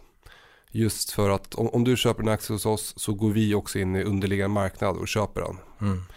Uh, så att uh, det gäller att det finns mycket, mycket volym, omsättning i aktien för att vi ska kunna erbjuda den. Så vi erbjuder inte, inte de aktierna på de uh, minsta listorna utan det, är mm. de lite Norwegian större. Air Shuttle för exempel. Ja. Och säga att jag hatar Norwegian med hela mitt hjärta.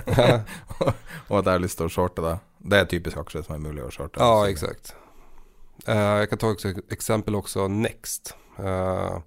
För några år sedan så rusade den ordentligt när Ola Rolén gick in eh, som, som, som ägare där.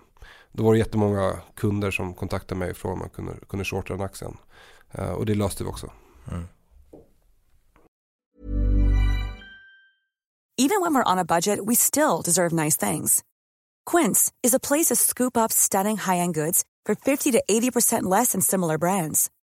They have buttery soft cashmere sweaters starting at $50, luxurious Italian leather bags, and so much more. Plus, Quince only works with factories that use safe, ethical, and responsible manufacturing. Get the high-end goods you'll love without the high price tag with Quince. Go to quince.com/style for free shipping and 365-day returns.